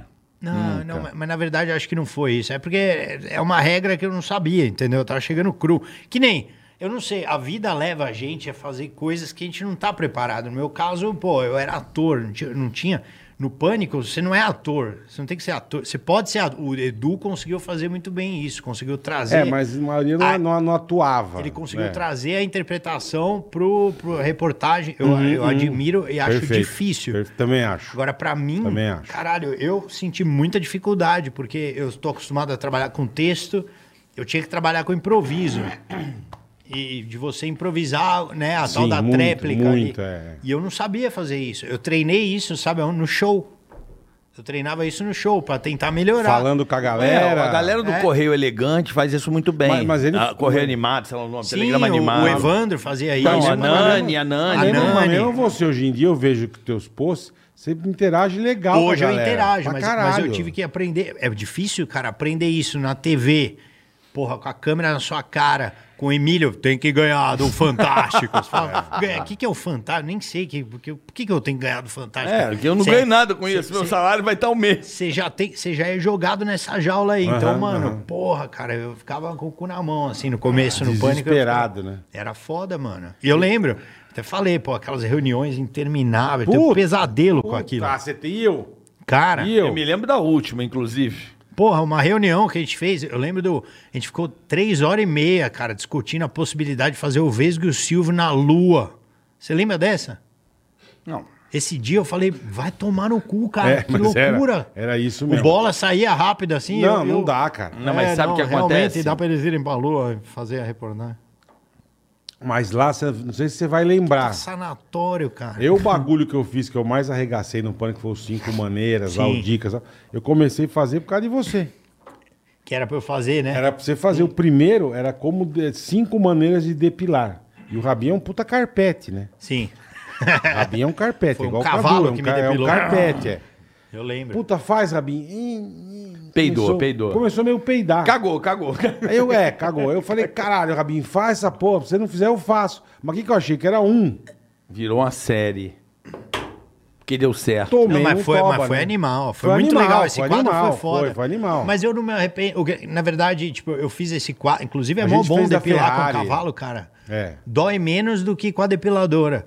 Porque o cavalo, rápido. o cavalo dá um tranco que puxa de uma vez, assim. puf. você não sente porra nenhuma. Fica a dica aí, depilação. que anal. mais você fez de loucura lá, Rabini? Ah, ali, porra, porrada com o Daniel na bosta de cavalo. Ah, é verdade. saiu no soco. Vocês tomaram o chá Fiz um dos monte de índios, não coisa. tomaram? Tomamos aí, eu acho. Aquilo é Essa muito parte foi louco, né, animal. meu? mas eu não aceitei fazer os cinco maneiras, na verdade, foi por uma cabeça de. de sabe essa coisa de ator na época, de falar, Ah. puta. Eu não vou fazer porque o pessoal vai achar que É, eu só tô que- na TV pra aparecer, que eu vou aceitar É, apanhar. tem essa. não sei. é, teve isso, desculpa, Tem essa Rabin. coisa, entendeu? É, mas você concorda que. que Cagada, besteira. é uma Besteira grande to- besteira quando Todo você mundo fala. quer aparecer. Você tá na TV, você quer aparecer. Não, em e primeiro quer lugar. Eu aparecer, não quer sabia ter que teve destaque, isso, quer não. ganhar dinheiro, Sim, né, meu porra. irmão? Mas você- Lógico. Não vem com essa conversa pra cima de mim. É. Ah, mas o meio, o meio não vai. Foda, ninguém- o Não, meio não mas paga é- a tua conta, mas- caralho. mas o meio é- paga o colégio da tua filha. Nem fudendo. Então mas, é, o- pronto. mas é o que eu acho. Então, hoje em dia, eu tenho essa maturidade. Porque no começo, a gente ficava muito.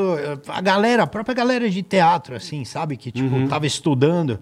Os caras falavam: não, não vou fazer isso porque eu vou me queimar. Peraí, pô, você vai se queimar. A gente nem é ninguém pra se queimar. É, vai- então, é, é, a gente tem que se é, levar é. menos a sério, sabe? Isso aí. Então, Porque hoje. eu vou me queimar com quem sou eu, né? Pra... Meu irmão, às vezes Hoje a eu gente tenho tá... mais Aí essa você, te- mas você cabeça. teve Eu- esse pensamento. eu sempre- Mas é naquela época eu tive esse pensamento. Tá. Eu falei, eu não posso fazer porque senão eu não vou ser chamado pra nada, que a galera vai falar, puta, esse cara É, Esse tá puta isso. né? louco. Ma- é. mas, eu acho que as pessoas. Isso vale pra qualquer profissão. As pessoas têm que parar de se preocupar mais com o que os outros vão achar Sim. e se preocupar com você e com o que você vai fazer. Porque o que você fizer bem, deu resultado, É, mas, mas nesse caso, você mantém. Nesse caso, o Rabin resto é o mais, resto. eu acho, né? Porque ele se preocupou com a. É. Sim, Cara, mas o- aí ele viu vou que é uma fazer. altarice. É, isso. é, é. O- a cagada, aquela época no, no Pânico, foi muito louco. Isso eu gostei pra caralho de fazer o Silveira Silveirinha. Maravilhoso. Porque a, Isso é gente, maravilhoso. bom. porque a gente não Maravilhoso. contava que aquilo era mentira. Isso eu achava muito louco, assim. Eu, mas era difícil, né? Porque a galera acreditava realmente que eu e o Daniel, a gente era milionários de Campinas, assim. pra caralho. Acreditava Pra caralho. real, assim, os caras caralho. chegavam, me encontrava na- nas baladas, assim, eu loucão, os caras chegavam e falavam, meu, porra, eu também tenho um iate, não sei o quê, vamos um dia andar no meu. Eu falava, Vamos, cara. vamos, lógico, pô, claro, eu também A tenho. gente É, faz uma tá. corrida de arte e É, tal. vamos é. fazer, os caras, tipo, achavam que a gente era, e ao mesmo tempo uma galera odiava, né, falava, esses playboy do caralho, estão na TV. Então, mano, mas tive que ter uma maturidade, assim, de, de aguentar essa, essa rejeição, que era uma coisa que eu não tinha antes. É, porque você não tá acostumado. Cara, eu vou falar bem a real. Eu me apaixonei pelo teatro. Me apaixonei. O meu, Uhum. o meu tesão, assim, o que eu sinto mais tesão é estar no palco e ter aquela troca, entendeu? Eu, eu nunca na minha vida imaginei que eu pudesse ter, tipo, 100 pessoas me assistindo por show. Mas nunca, quem falou nunca. isso? pra- O Márcio falou isso pra gente, né? Falou que o teatro é a coisa mais legal pra você É. fazer stand-up. Não é no boteco, não é no, é no teatro. Cara, né? eu nunca imaginei que eu pudesse ter. E aí, de repente, eu soltei um vídeo de stand-up que foi uma, zoando a minha mãe, inclusive, né? Que a minha mãe entrou, porra, vai trabalhar, vagabundo, não sei o quê. Eu, mãe, pelo amor de Deus, tô aqui escrevendo piada, sai fora. Fechei a porta, comecei a falar sozinho. Porra, minha mãe fica pedindo pra eu trabalhar. Será que ela não percebe que eu não vou? Eu falei, caralho, o erro tá em mim mesmo. Aí Eu comecei a fazer o texto. O texto bombou, comecei a ver um monte de gente na internet, assim, Orkut na época, YouTube. Uhum. Pô, eu te amo, você é foda, você é não sei o quê, você manda muito bem, não sei o quê. blá, blá, blá. De repente eu entrei no pânico, fiz um playboy, filha da puta, todo É, mundo. Vai é. tomar no cu, não sei o quê. Aí o Gel no Wagner Moura. Wagner era o 01 na época. Era assim. o 01. Era, tipo, mano. Era. Era que nem Era. você zoar o. Porra, o Vesgo ficou contra mim na época. Todo mundo, Era. a galera de dentro do pânico falava, mano, você fez uma merda que não dá não pra é, voltar porque atrás. é, não foi o que eu vejo que ficou contra, porque assim, a gente já tinha passado do, do- daquele ciclo de todo mundo odiar muito. E a gente mudou a estratégia. Vamos ficar mais amigão pra pra poder Sim. ficar mais Ficar mais de boa. Na hora que a gente tava nesse processo, deu Me assim, chega você com Mas- 3kg de gel na cabeça É, do tio. mas- Que não é- foi nada. O Eu cara também não- acho, é- mas... Não, mas eu errei, foi um erro. Mas assim, foi um erro, porque eu se não você sabia. pe- Mas se Eu você não- pede desculpa, tem que Claro. aceitar, né, meu? Mas eu, eu não sabia, tipo, é regra. Até hoje tem gente que não sabe. Quando você vai entrevistar alguém, você não pode encostar na pessoa. Eu não sabia disso, sabia? É uma regra. Você não pode encostar. o cara vai embora, você fala, ô, você não pode Uhum, você não fazer pode isso. segurar, é... E tipo, pff, fiz Quem, fa- cagada. quem falou que tem essa regra? Eu? Eu aprendi na prática. Você se fode bonito. né? O Vesgo não, não tava nem aí, É. Não, não. é, Mas o Mas- Veigo levou várias Mas lambadas é porque o também. que, né? o que faltou, talvez, tenha sido comunicação, porque esse briefing aí que você deu foi exatamente o que eu recebi. Quando Uhum. eu entrei no pânico, o Emílio me chamou e falou: Ó, vem cá, os caras estão muito amigão.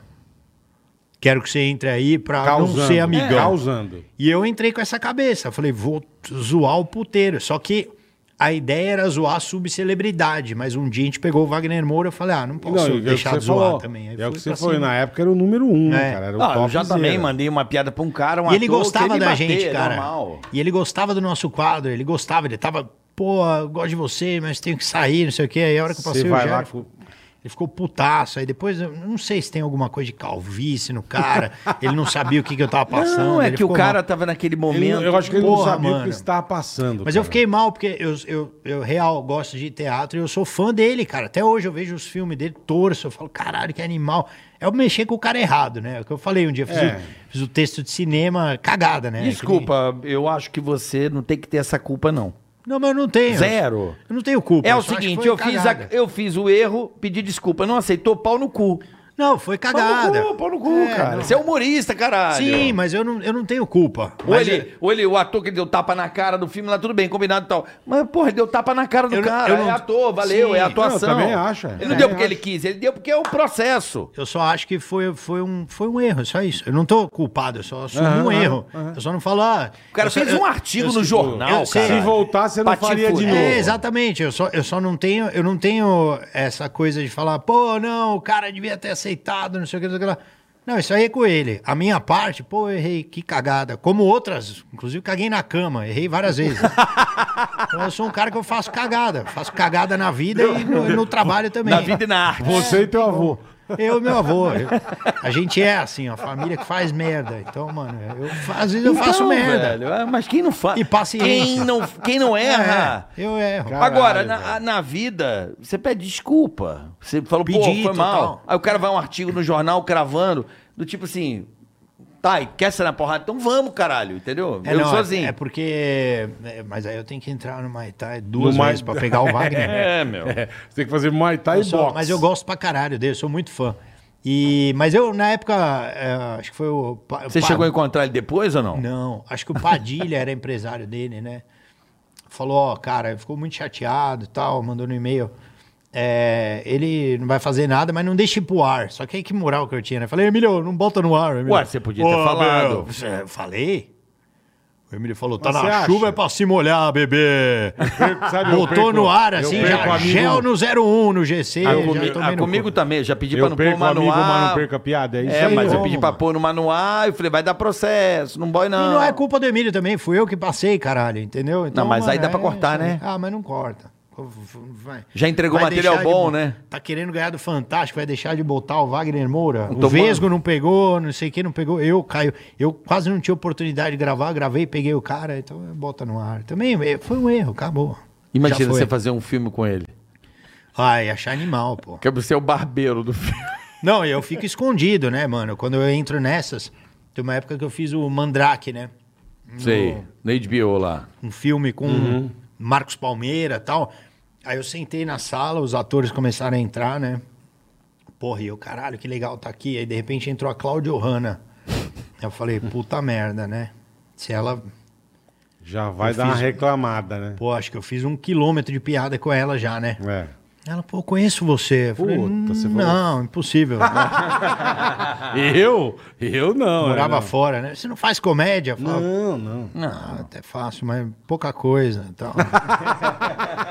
Pouquinha coisa. Aí passou uns, uns- umas semanas assim de gravação, aí o Palmeira falou: Qual é o problema que tu teve com o Wagner? Eu falei, pô, não, acho que foi nada, não. Teve só um negócio ali. a filha dele estudava na mesma escola do filho do Wagner, É. assim, às vezes, falou uma cagada, mas não deu nada. né? Tudo de boa. Pra Mas quem ele não fica meio com sabe, cu o na mão. Rabin é parente do Ronivon. Ronivon é meu tio. Aí, ó. Olha, é teu tio? Olha lá a foto. Temos a foto aqui, Eu ó. Não sabia. Do, do, do Rabin? Rabin. Aí, ó. Olha o rabinho aí. ó. É verdade, cara. Nesse dia o Ronivon cagou no estúdio. Deu, Aí, ó. ele tomou um Cara, energético como com você, pa- um uísque. como você parece teu tio, cara. Cara, o Rony. É a Um cara, é uma cara do outro. dia- Não, e ele Olha coloca. lá, olha lá. O, Ó, o bonitão subacão. príncipe. Ah, o hein? subacão parecendo Claudio Olha, Hanna. o subacão dá pra fazer uma peruca, velho. Ah, é O Rony. Rony é Aí, gente ó. boa demais, cara. Olha que bonitinho. Olha na lareira aquele. Pô, tiozinho. puta Lareira É. zoada. Usava um fio dental louco, né? Louco, ó. Pegou do Gabeira, lembra? Do Louco. Com a bolota saindo pra fora. o badalo saindo e foda-se. Rony, ô, tio. Um cara, abraço pro Rony Von. O Livon é sensacional. Veio aqui, cara. foi sensacional. Sensacional. Foi muito Não, o Rony é legal. demais. Ele ficou bravo comigo um dia que eu fui no programa dele. É. Aí ele, com aquelas comidas, ele botou um siri assim no meu prato. Falou, não, isso é um caranguejo do Alasca, eu com puta nojo, não comi, né? Eu só comi E é o alface caríssimo, do prato. Eu não soube quanto isso custa? É 4 mil caríssimo, dólares. é. Eu falei, puta, não, não tem como eu comer isso aí. Tô puto já. E você é judeu, você tem os costumes de judeu, Rabin? Nenhum, De mano. alimentação, nada Aquelas disso. comidas nada. lá, como é que Só é? não como- Caché. Eu só não como porco porque me dá dor de barriga. porque O que que não te dá dor Aí de eu fui no barriga? porcão, por isso que deu essa Ah, merda. entendi. Mas é verdade. Porque quando eu era pequeno, meus pais não me davam carne de porco, então quando eu como, revira. Entendi. É, você criou uma intolerância. É, aí eu comi uma linguiça lá. Mas você não tem os costumes do, do, do ju- do judaísmo. Não, Ah, nada. Você nada. come zero. misto Ah, quente? Eu tento fazer jejum. não, não como. Aí, tá Prefiro não comer. Mas é Mas por presunto causa de do- porco. Caralho, mas eu comi as férias inteiras misto quente. Pode crer, às vezes eu como. Agora, essa- às vezes. Aquele do- às vezes Tem eu que como- explicar, tem, explica pro pessoal por quê, porque a- as pessoas entenderem, né? o- No É, o- judaísmo. No judaísmo a gente não come carne de porco, porque teoricamente o porco é um animal sujo, né? O que cientificamente hoje em dia foi comprovado que ele é limpo, Perfeito. inclusive, né? Mas, é, enfim, é, judeu não costuma, não tem esse costume.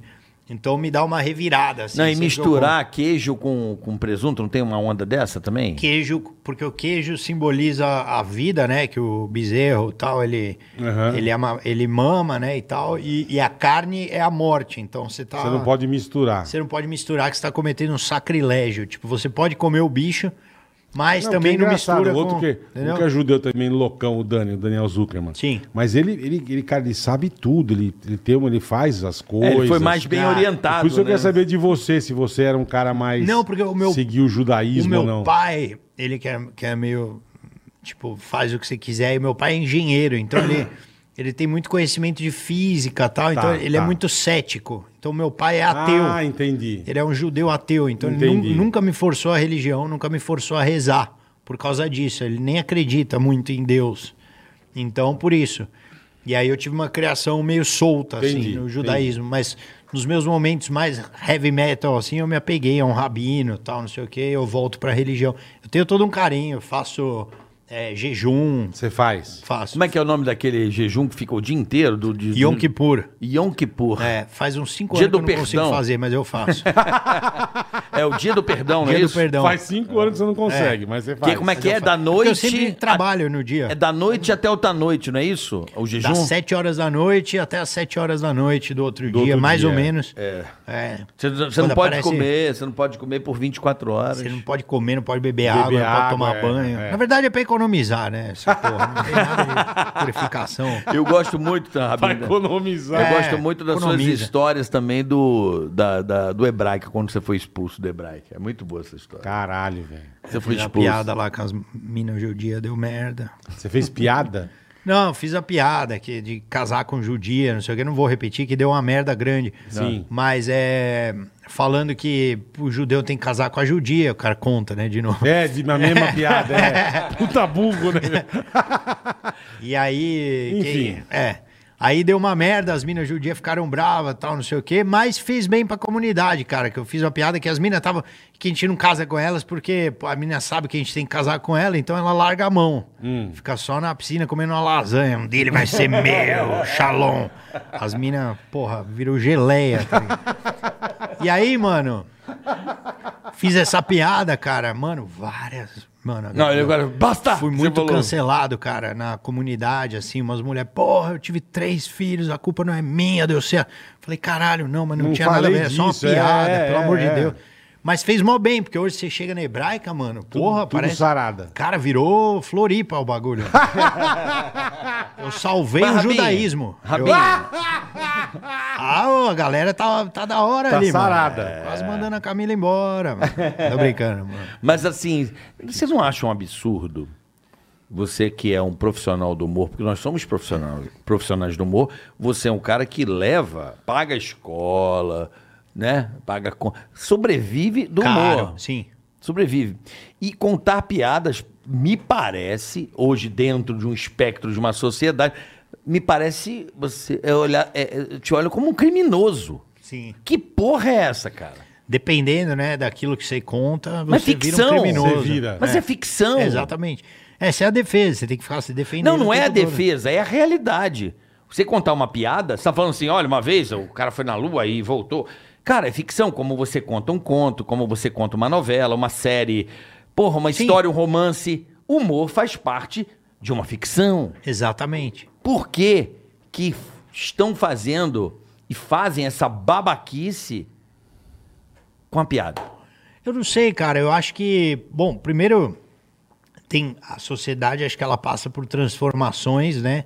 Que aí ah, você tem que, você pode entender ou não, entendeu? Uhum. Tipo, a gente teve, saiu de uma época lá dos trapalhões, onde você podia falar de raça à Regaçava, vontade. regaçava. Hoje em dia ninguém fala, né? Você não fala. Você mesmo já me repreendeu um dia na rádio porque eu falei uma merda pro Evandro, pesada, lembra?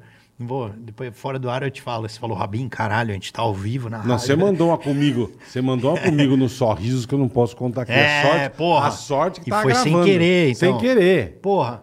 Mas então, puta que pariu, Tem meu. coisa que, mano, que as s- transformações que a sociedade passa, que você tem que calcular, né? Porque a gente cria a piada. Então você fala, pô, peraí. Se eu jogar essa piada. é, Eu, eu entendo toda a piada. Pra mim, você pode contar do que quiser, cara. Você pode falar de nazismo. Minha esposa teve câncer, pode contar piada de campo. Tudo que você quiser, eu entendo. Sou profissional da área, mas eu não posso obrigar as pessoas que não são a serem. A mas eu- quando- entenderem, né? quando eu digo que a nossa defesa não é porque é uma defesa, é porque é real, é o que a gente tem que falar, explicar para as pessoas. Olha, o que eu tô fazendo aqui é uma ficção. Só que algumas pessoas, mesmo assim, não vão entender, velho, porque não tem jeito. Porque o humor, ele vem do, do rir, castigam-se os costumes. É rindo que se castiga os costumes. Então, o cara sempre usou a- o humor para poder ser além, justamente para poder dar um toque, que é o tal do bobo da corte. Enfim, tem toda uma história de que o humor E- e conta aquilo que ninguém pode falar. Sim. Né? Tá Eu certo? acho que a turma também pega Vou no dar um pé. exemplo. Jornalista tem acesso ao criminoso, mas não pode contar pra polícia onde o cara tá. Pro cara dar entrevista.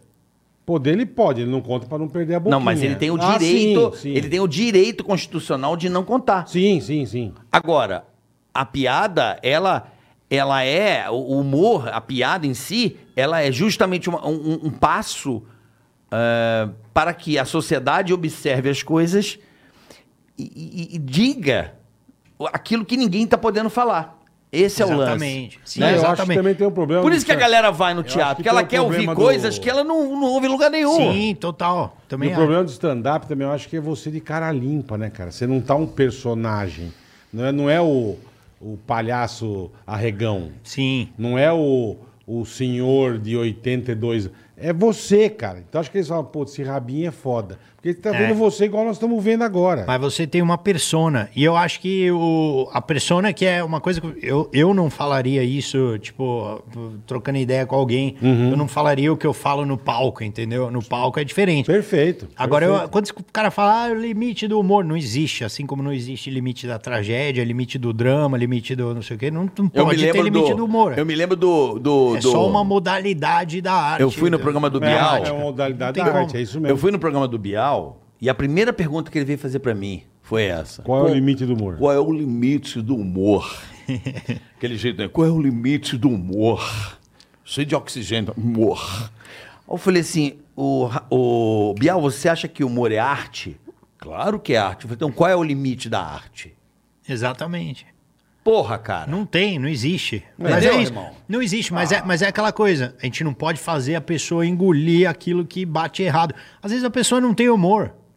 Sim. Foda-se, Pra tipo, caralho. mano, Você gosta de filme Provável- de terror? Tem gente que não gosta. É. Troca de canal, caralho. Provavelmente a, a pessoa que não tem E o humor. nego tá vendo pra, pra te criticar. pra não, te mas não é fuder. criticar. Criticar Pra é, te fuder. criticar é pouco. Não, pra te fuder. Estão botando na, pra prender, caralho. As pessoas são malucas. E isso acontece em todos os cantos, cara. Ó, Todos se os você cantos. quiser falar de política, Todos politi- os cantos. politicamente, ó. Pessoas da esquerda, mega sensíveis. Pessoas da direita, pode fazer piada com tudo, menos com o meu mito. A tomar no cu também. Então, mano, tem de todos os lados, entendeu? Isso acontece de todos os lados. Piada é e piada, Tem, e tem velho. pessoas que são debilóide também, que não dá. Quer ver? É. Na época que você podia fazer piada com. Não, cuidado. Fala, não, o o mais absurdo. Tinha uma época que você podia falar, ah, não sei o que, queima rosca, não tinha problema nenhum. Nem zero. Aí Eu fiz uma piada, não sei o que, de queima-rosca no sul, uma merda assim. O cara conseguiu fazer uma associação com a boate que pegou fogo com a queimação de rosca. O cara conseguiu fazer isso. Eu falei, meu Deus que do tem a ver céu. uma coisa com a outra. velho? Você acha que eu tô fazendo uma piada com a boate que Com a pegou. com puta tragédia, é. Só que aí, aí uma hora você desiste. Você fala, mano, deixa os loucos falar sozinho. A galera não entende, não tem a chave do humor, entendeu? Eu acho que o brasileiro, muita gente tem, a maioria tem. O mas tem brasileiro é, gente- grande- o brasileiro grande- tá zoando. brasileiro é meio A grande humorado. maioria, A é. grande maioria tem, mas cê- os que não tem, não adianta a gente nem tentar entender, porque não vai, mano. São simplesmente pessoas que não, não, não tem como, tá ligado? Da mesma forma que eu, talvez, não tenha uma chave pro funk. Ou talvez eu não, eu não, eu não posso sair falando, ó, funk é um lixo, é uma bosta. Não, com preconceito. Talvez eu não tenha uma chave pra curtir, pra dançar aquilo. Acho que é a tua idade, É. né? Ou, ou pra ópera também, que eu, pô, é do cara, mas eu talvez eu não tenha chave pra curtir tanto quanto, porra, os caras que são críticos de. Então tem gente que não tem essa chave do humor também. Não... É, mas o que me. O que me É bem isso mesmo, O que me é bem isso entristece mesmo. não é a, a- a- a não entender. O, o que me interessa é a caçada mesmo, entendeu? É isso que. A caça, caça às bruxas, entende? Essa. Você essa acha que é uma cruzada. perseguição? Porra! É. Porra, você tá de brincadeira, A cara. galera caça a piada, né? É, mano? não, pega aquela a, a piada e trata aquilo como se fosse uma verdade. Simplesmente assim, acabou. Sim. E a piada não é verdade. É como se você pegar o tiro da Odete Reutemann da novela E você processa ela por e assassinato. você chama a Polícia Federal pra abrir um inquérito, cara. Assassinato. é. Porra. Não, exatamente. Mas é. É. mas é isso, né, cara? Você vê. É, então. E também tem o jeito que o cara conta, né? Tem pessoas que contam ah, com maestria. Pô, tem um cara no, que o Bolinha até é fã do cara, chama Anthony Jeselnik. Eu não conhecia esse cara, eu vi esse cara ao vivo. Puta que pariu, o cara É fala, gringo? fala de tudo. É brasileiro. Gringo. Gringo. É um americano, um loirinho com a cara de filha da mãe. Esse cara fala a piada que for, você entende que ele tá fazendo uma piada. Pode ser a coisa mais absurda do mundo. E tem gente que o cara vai fazer um humor mais agressivo, ácido, e você e, sente aquilo como uma ofensa, entendeu? A gente que é da comédia olha e fala: não, esse cara tá. Ele tá tentando fazer uma piada, mas ele tá muito. é que Tentando nem o fazer uma piloto, né, graça. cara? Piloto fazendo uma manobra, né? Fala, caralho, esse cara tá dando um mortal aí, ele vai cair, mano. Vai dar É, merda. Ele tá sim. tentando, mas é. Porque fica agressivo, entendeu? Pô, a gente via muito isso no Fritada lá atrás. do O Diogo fritado é Portugal. era maravilhoso. chique, eu sou muito fã Sim, do, de assistir era o fritado. chique. Mas é- antigamente, eu lembro que era começo, pô, a galera ia no. Porra, errava a piada, ia só na agressão, o bagulho Aham. ia. Pá, Per- per- era, Perdi a mão. perdi, era embaçado assim, cara. Mas é, pô, a gente tá aberto pra isso. Eu tô total aberto, né? Boa. Não, eu Vamos também dar acho. uma- Eu acho que se você zoa, você tem que estar aberto a ser zoado. né? Exatamente. Isso eu sempre tive na minha cabeça. Puta, eu vou zoar a turma. A hora que me zoarem, não adianta eu ficar putinho. Não. Que aí eu vou ser um puta babaca, meu. Tô zoando isso aqui 200 anos. A hora que ele me zoar, não adianta eu ficar puto com ele. Mas é isso. Cara, você zoou, você, tem- você vai ser zoado. Você tá de acabou, volta, velho. Exatamente. Acabou, no meu, no meu meu. show eu faço isso total. Quando eu tô improvisando, às vezes eu- a plateia me dá uma resposta que eu tomo no meu cu. Eu fico quieto e deixo a galera aplaudir o cara da plateia. Lógico, porque porque eu tô lógico. lá não é para as pessoas rirem de mim, me acharem foda. É, sim- é para elas rirem. Então, se um cara da plateia fez a plateia rir, eu falo, cara, que legal. Aí você tá mandando muito bem. Outro dia você pegou um cara com um nome estranho, mas eu ria no Instagram, cara. E o é- aí- nome do cara era esquisito, sei lá, bicho. E às Foi vezes eu muito até me bom, zoo, eu cara. falo, caralho, você conseguiu um aplauso maior que eu vou conseguir no show inteiro, parabéns. E, tipo, e a galera gosta. Que... É claro. Ninguém quer ver o humorista bonzão, quer ver o cara se fuder Sim, no palco. sim, né? É sim. isso. A real é essa, né? É. Sempre. O palhaço tem que se fuder Exato. O também. circo pegar Exatamente. fogo e o palhaço se O palhaço foder, tem é. que se fuder. Eu gosto muito das histórias da, de ser pai, né? Do Rabinho. né, Essa Maravilhoso, experiência. maravilhoso. Mas antes, vamos dar um recadinho rápido aqui, Opa, Bola. vambora, vambora. Vamos falar da nossa querida AproSoja Mato Grosso. A ProSoja Mato Grosso, rapaziada. É isso aí. Esses caras, são, eles são o celeiro do Brasil. Soja, milho, estão arrebentando. É isso mas aí. a- e- e- mas só que o legal não é isso, cara. Além de ser uma produção gigantesca, monstruosa, eles têm outras preocupações. Por exemplo, a ProSoja Mato Grosso tem um projeto chamado Guardião das Águas, meu querido Marcos Certo. É. Pisa. Tá certo? Presta atenção, olha só. Tem mais de 70 mil nascentes no estado, tá certo? Em 39 municípios do Mato Grosso. Tudo em terra dos agricultores. Também. Então eles Tá. cuidam. Tá. 95% em terra dos agricultores. Então, em Ó que tudo legal. isso, a ProSoja Mato Grosso cuida. Eles estão preocupados na manutenção Por que e será? né? deixar intacta, deixar. Ó, que- ó, ó, ó, ó, ó o pensamento da ProSoja Mato Grosso, cara. Entendeu? O agricultor, na- na- nas terras dele, ele está plantando soja, plantando milho. Eles cuidam e ele tem uma preservam. nascente. Eles não deixam a nascente estragar, não Exato. deixam nada, eles deixam a nascente maravilhosa. E a própria ProSoja Mato Grosso vai lá e, a- e- e cuida. Que legal. Observa. Cara, Cria esse projeto chamado Instituto Ação Verde. cara a meu ProSoja um querido. Mato Grosso é fudida. É fudido. Nós vamos, eles dão, eles dão apoio para você estocar com os silos. Exatamente. Eles cuidam das nascentes. de água. Ó, Exatamente. que então, legal, cara. presta atenção É. nesse projeto Instituto Ação Verde da ProSoja Mato Grosso, Vai. que preserva e restaura as nascentes do estado do Mato Grosso. Que demais Todo isso, produtor cara. que tem nascente, a ProSoja Mato Grosso vai lá Vai e cuidar cuida. e deixar a nascente intacta. Exatamente, a manutenção, a preservação, porque a nascente é- é- tem que ajudar Porra. e preservar, Cara, aquilo é demais porque isso, vai ter cara. água para sempre. Que demais. Água Tá certo? limpa, água pura. Pô, que demais. cara. Você quer Tem saber carbono mais? zero, vai lá, bola, diga lá. Quer, não, quer saber mais? Só pra vocês entenderem. Arroba AproSojaMT nas redes sociais. Arroba Apro- AproSojaMT e, no- e aprosoja.com.br. E também no YouTube, a Também no ProSoja YouTube. MT. A ProSoja MT. Vocês são demais, cara. Eles- a preocupação Tem que ter. global dos tem caras. Que, né? ter. Que legal, É cara. pro- É, produção de alimento e Os caras são preservação. fudidos na é plantação, possível. na agricultura.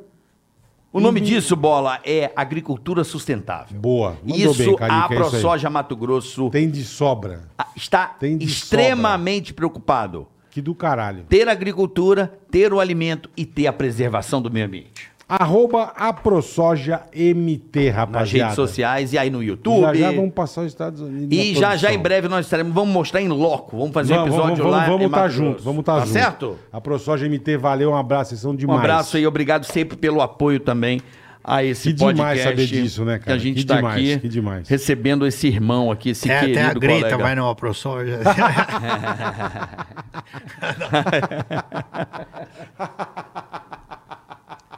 Vixe, como eu amo. Vamos o levar a Davi, entrevistar a Greta lá. Os caras deram um tiro no Ricardo Salles. então, é Agora, de uma tão longe. coisa, uma coisa que eu queria saber, que a gente sempre brincava com você, é tipo, como que a tua mulher casou com você? rapaz? Como? Me conta a história da Camila. né, Ela mano? foi no Da teu Camila? show. Porque você era um. Você sempre foi um puta Lixo. lixo, cara. Foi. Você andava com as roupas zoadas. Você ia com o mesmo abrigo duas semanas na rádio. A Camila me conheceu numa época que, mano, eu tava mal. Eu tinha saído da MTV, tava magrão assim. E aí, é, só na marofa, né, mano? Só no dedo de gorila. Porra, aí a gente se conheceu num evento que eu fiz. E aí eu chamei ela pra um bar, ela namorava, né? E a gente ficou- fiquei uns três anos, acho que, na cola. E aí ela Três terminou. anos? é, Três mas, É, anos? mas não, a Tudo gente isso, se Rabinho? conversava assim, né? Mas eu conversava com muita gente Sim, assim, sim, sim, no Facebook, sim. com esse chaveco, né? Você disparava. Você Porra. mandava metralhadora. Que nem o Bento Ribeiro, assim, o Bento era pior, né? O Bento, chegou uma, uma mina pra ele e falou, viu, preciso falar com você. Ele escreveu, dinheiro ou sexo? Não, preciso muito meu. falar com você. Dinheiro ou, Ou sexo. sexo. Porra, era um um bagulho beneficente aqui, mas tudo É, bem, deixa beleza. aqui. E você disparando no Mano. Face E aí, e conversando com a Camila. e aí é, aí uma vez rolou assim, a gente saiu, foi pra um bar, né? Aí o meu, puta, que bom que Mas a você gente não saiu. tomou o energético com uísque. Não, a né? gente tava tomando tudo ali aquele dia, Mas mas, não não deu- caguei. aí, tomando tudo, né? E aí eu falei, meu, pô, foi animal, queria muito sair com você, faz tempo, desde aquele evento que a gente fez da Bavária Premium, né?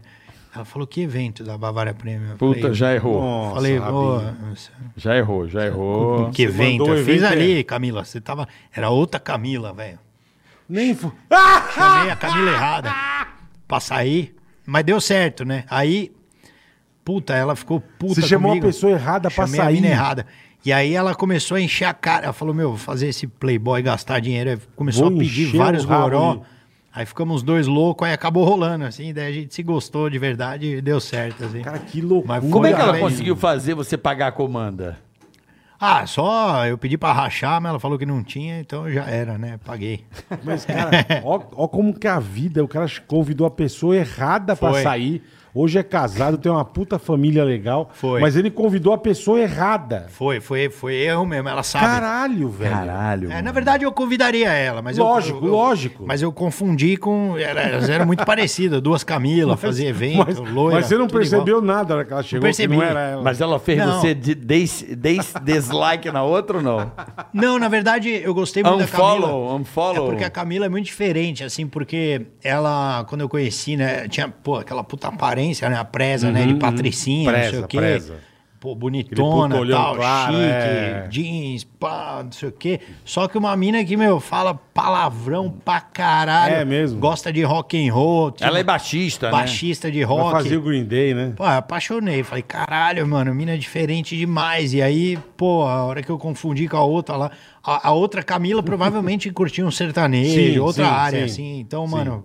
Ia dar merda. No erro deu certo. Acabou dando certo. Então certo foi, pra caralho, pô. Foi a Camila certa, assim, né? Tá vendo? Puta, que bom, né? demais, me deu Tá cara. muito esporro pra me botar na linha, mas. tá- mas E ela deu que é certo. tua empresária, cuida de tudo, Não, a como Cami- é que tá? a Camila era, eu demiti ela. Você agora eu- demitiu, Ah, a Camila. demitiu ela de Que empresária. bonzinho. Não, que você é. brincadeira, ela saiu, ela quis sair, É. porque tratamento, né? Começou a fazer tratamento, Sim, não sim, dava sim. pra cuidar do, Das de tudo. coisas. Aí hoje eu tô com o Alex, que é super legal, o cara que cuida do Quatro Amigos e tal, de todo mundo, então eu já tô. Estamos tudo misturado ali. Não, não tirou isso da. da Hoje a das Camila só Hum, costas. dá dicas, né? Fala, meu, você vai assim, você contou história de bosta ao vivo pra todo mundo, vai tomar no rabo. Ela vai só de. Ela E ela, Vai, tá, Ah, é, me e, ela dá tá- bronca. e ela tá fazendo o quê? Porque ela tocava na banda, eu lembro, direitinho, baixo. Tal. Hoje- Hoje é. ela continua, ela tá, parou, ela Cara, tá fazendo outras coisas. ela ainda tem banda, a gente tinha um programa no 89, que era o Eu Derrabins. Que era legal É. pra caralho. Aí o programa acabou. Aí, porque a gente fez uma piada pesada, né? Do- com, com um Verdade. amigo da rádio. É, Ih, foi mesmo, é? foi. Política, né, mano? Puta que pariu, meu. Aí o cara quis. o- Pô, mas eles são muito. Eu, eu só Já tenho, até eu só- sei quem foi. Só tenho elogio a fazer pra 89, porque foi uma rádio que, cara, é muito corajosa, assim, porque a gente meteu o pau no presidente e fazer isso hoje em dia em rádio não é fácil. É. Porque, e os caras de verdade não têm rabo preso, só que quiseram só, foi, foi- nem mandado, em- eles quiseram dar um gancho na gente e a gente não aceitou por Entendi, entendi. divergência política, foi isso. Falaram, ah, vamos tomar um gancho aí de Vai um ficar dia. um- Aí eu falei, não, não vamos tomar, a gente prefere parar, paramos. Foi isso. Tá. Mas do caralho, assim, pô, a rádio animal trabalhar lá e foi muito, foi muito legal. Então a Camila é locutora, tem uma banda, é, a Camila fez muita coisa é, na, na questão de é, câncer de mama, então quando, puta, Sim, quando dá sim, outubro, meu, Trabalha que nem uma trabalha louca. que nem uma louca e até tem questões com isso, né? Porque é difícil quem passou por isso Porra. ficar falando sobre esse assunto, É, né? Parece que deve você tá ser difícil pra chamando o negócio. caralho, E ué, é uma doença que você cura, mas você fica vigilante, né? O Tem que ficar. Fica tem em que alerta, ficar. né? Você fica uns Fazendo 10 exame, tem Porra, que ficar. uns 10 anos na vigilância, né? É, Então, muito pesado é o assunto. E ela conseguiu Deixar leve. deixar leve. Ela fez um vídeo ali que viralizou, né? Raspando a cabeça, com uma Foi. atitude meio punk. Aquilo viralizou. Pô, ela tem fã na Argentina, na Suécia, nos Que Estados legal, Unidos. cara. Ela Porra. deu uma estourada assim num- e, e conseguiu fazer aquilo que a gente tenta fazer na comédia, só que numa dimensão que eu jamais vou conseguir na minha vida, porque ela pegou um assunto muito pesado. É.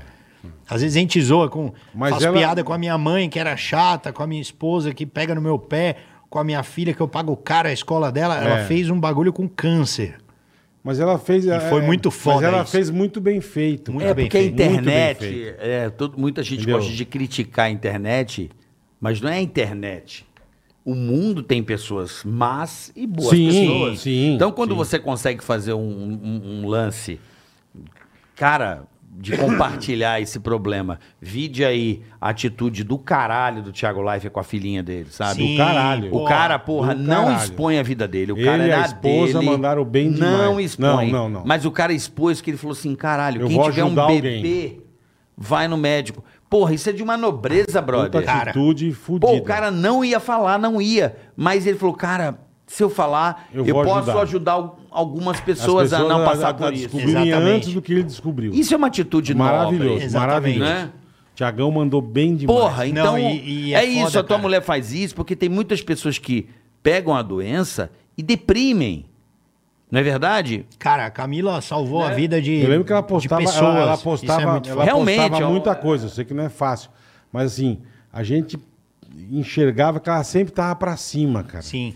Ela nu- nunca postou um negócio muito triste, Sim, muito, sabe? total. Tudo bem, tem dia que ela tava um pouquinho mais desanimada. Claro. Mas ela sempre tava pra cima. Isso eu achei É, é do uma caralho. doença muito difícil, né? Isso eu Não, mas- achei do caralho. Ela é muito. A Camila vem de um lugar, assim, onde ela tá preparada, ela é, ela é muito forte, assim. Então, Exatamente. ela te- já tem questões Exatamente. familiares, pass- é muito humilde. Então, ela, ela tem uma força muito grande, assim, né? Pra poder passar por tudo isso numa boa, assim. Às vezes ela, é- ela levantava a gente, assim, Aham. em casa. Então, era foda demais. Uma mina muito foda.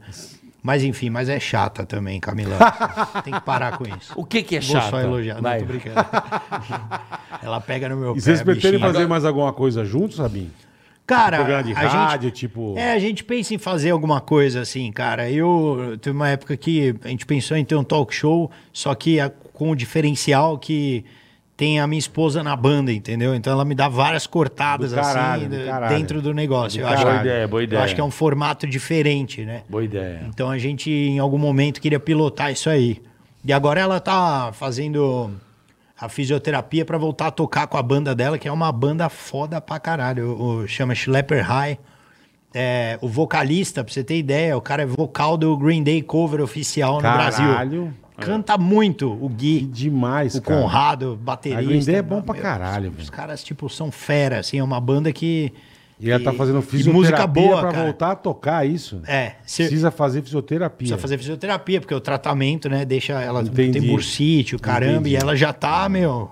Voltou tá. a pegar. Ah, ela é- ela é- Baixo é um tesão, né? É, É. um instrumento legal, né? Gostoso. Porra. né? E a Pô, Camila é quando bruta, tiver- quando viu, tiver o velho? primeiro show, avisa nós. Camila hein, tem um mano? uns dedão de Freddy Krueger, assim, até aqui, né? Nunca mano. tomou um fio- Imagina nunca tomou um você fio no FT. terra, não. Ainda não, ainda Nunca não. tomou um fio terra, não. Ainda não. Cuidado, hein, Rabinho. Melhor Cuidado. não. Mas Ah, melhor já Senão não. tomei. vai ser igual o vô. É, dele. vai sair, Vai mano. ser igual o vô com o pauzinho, cara. Ela já tá esperta. Ela Ah! já, Ela tá esperta já. já tá Ela esperta, tá né?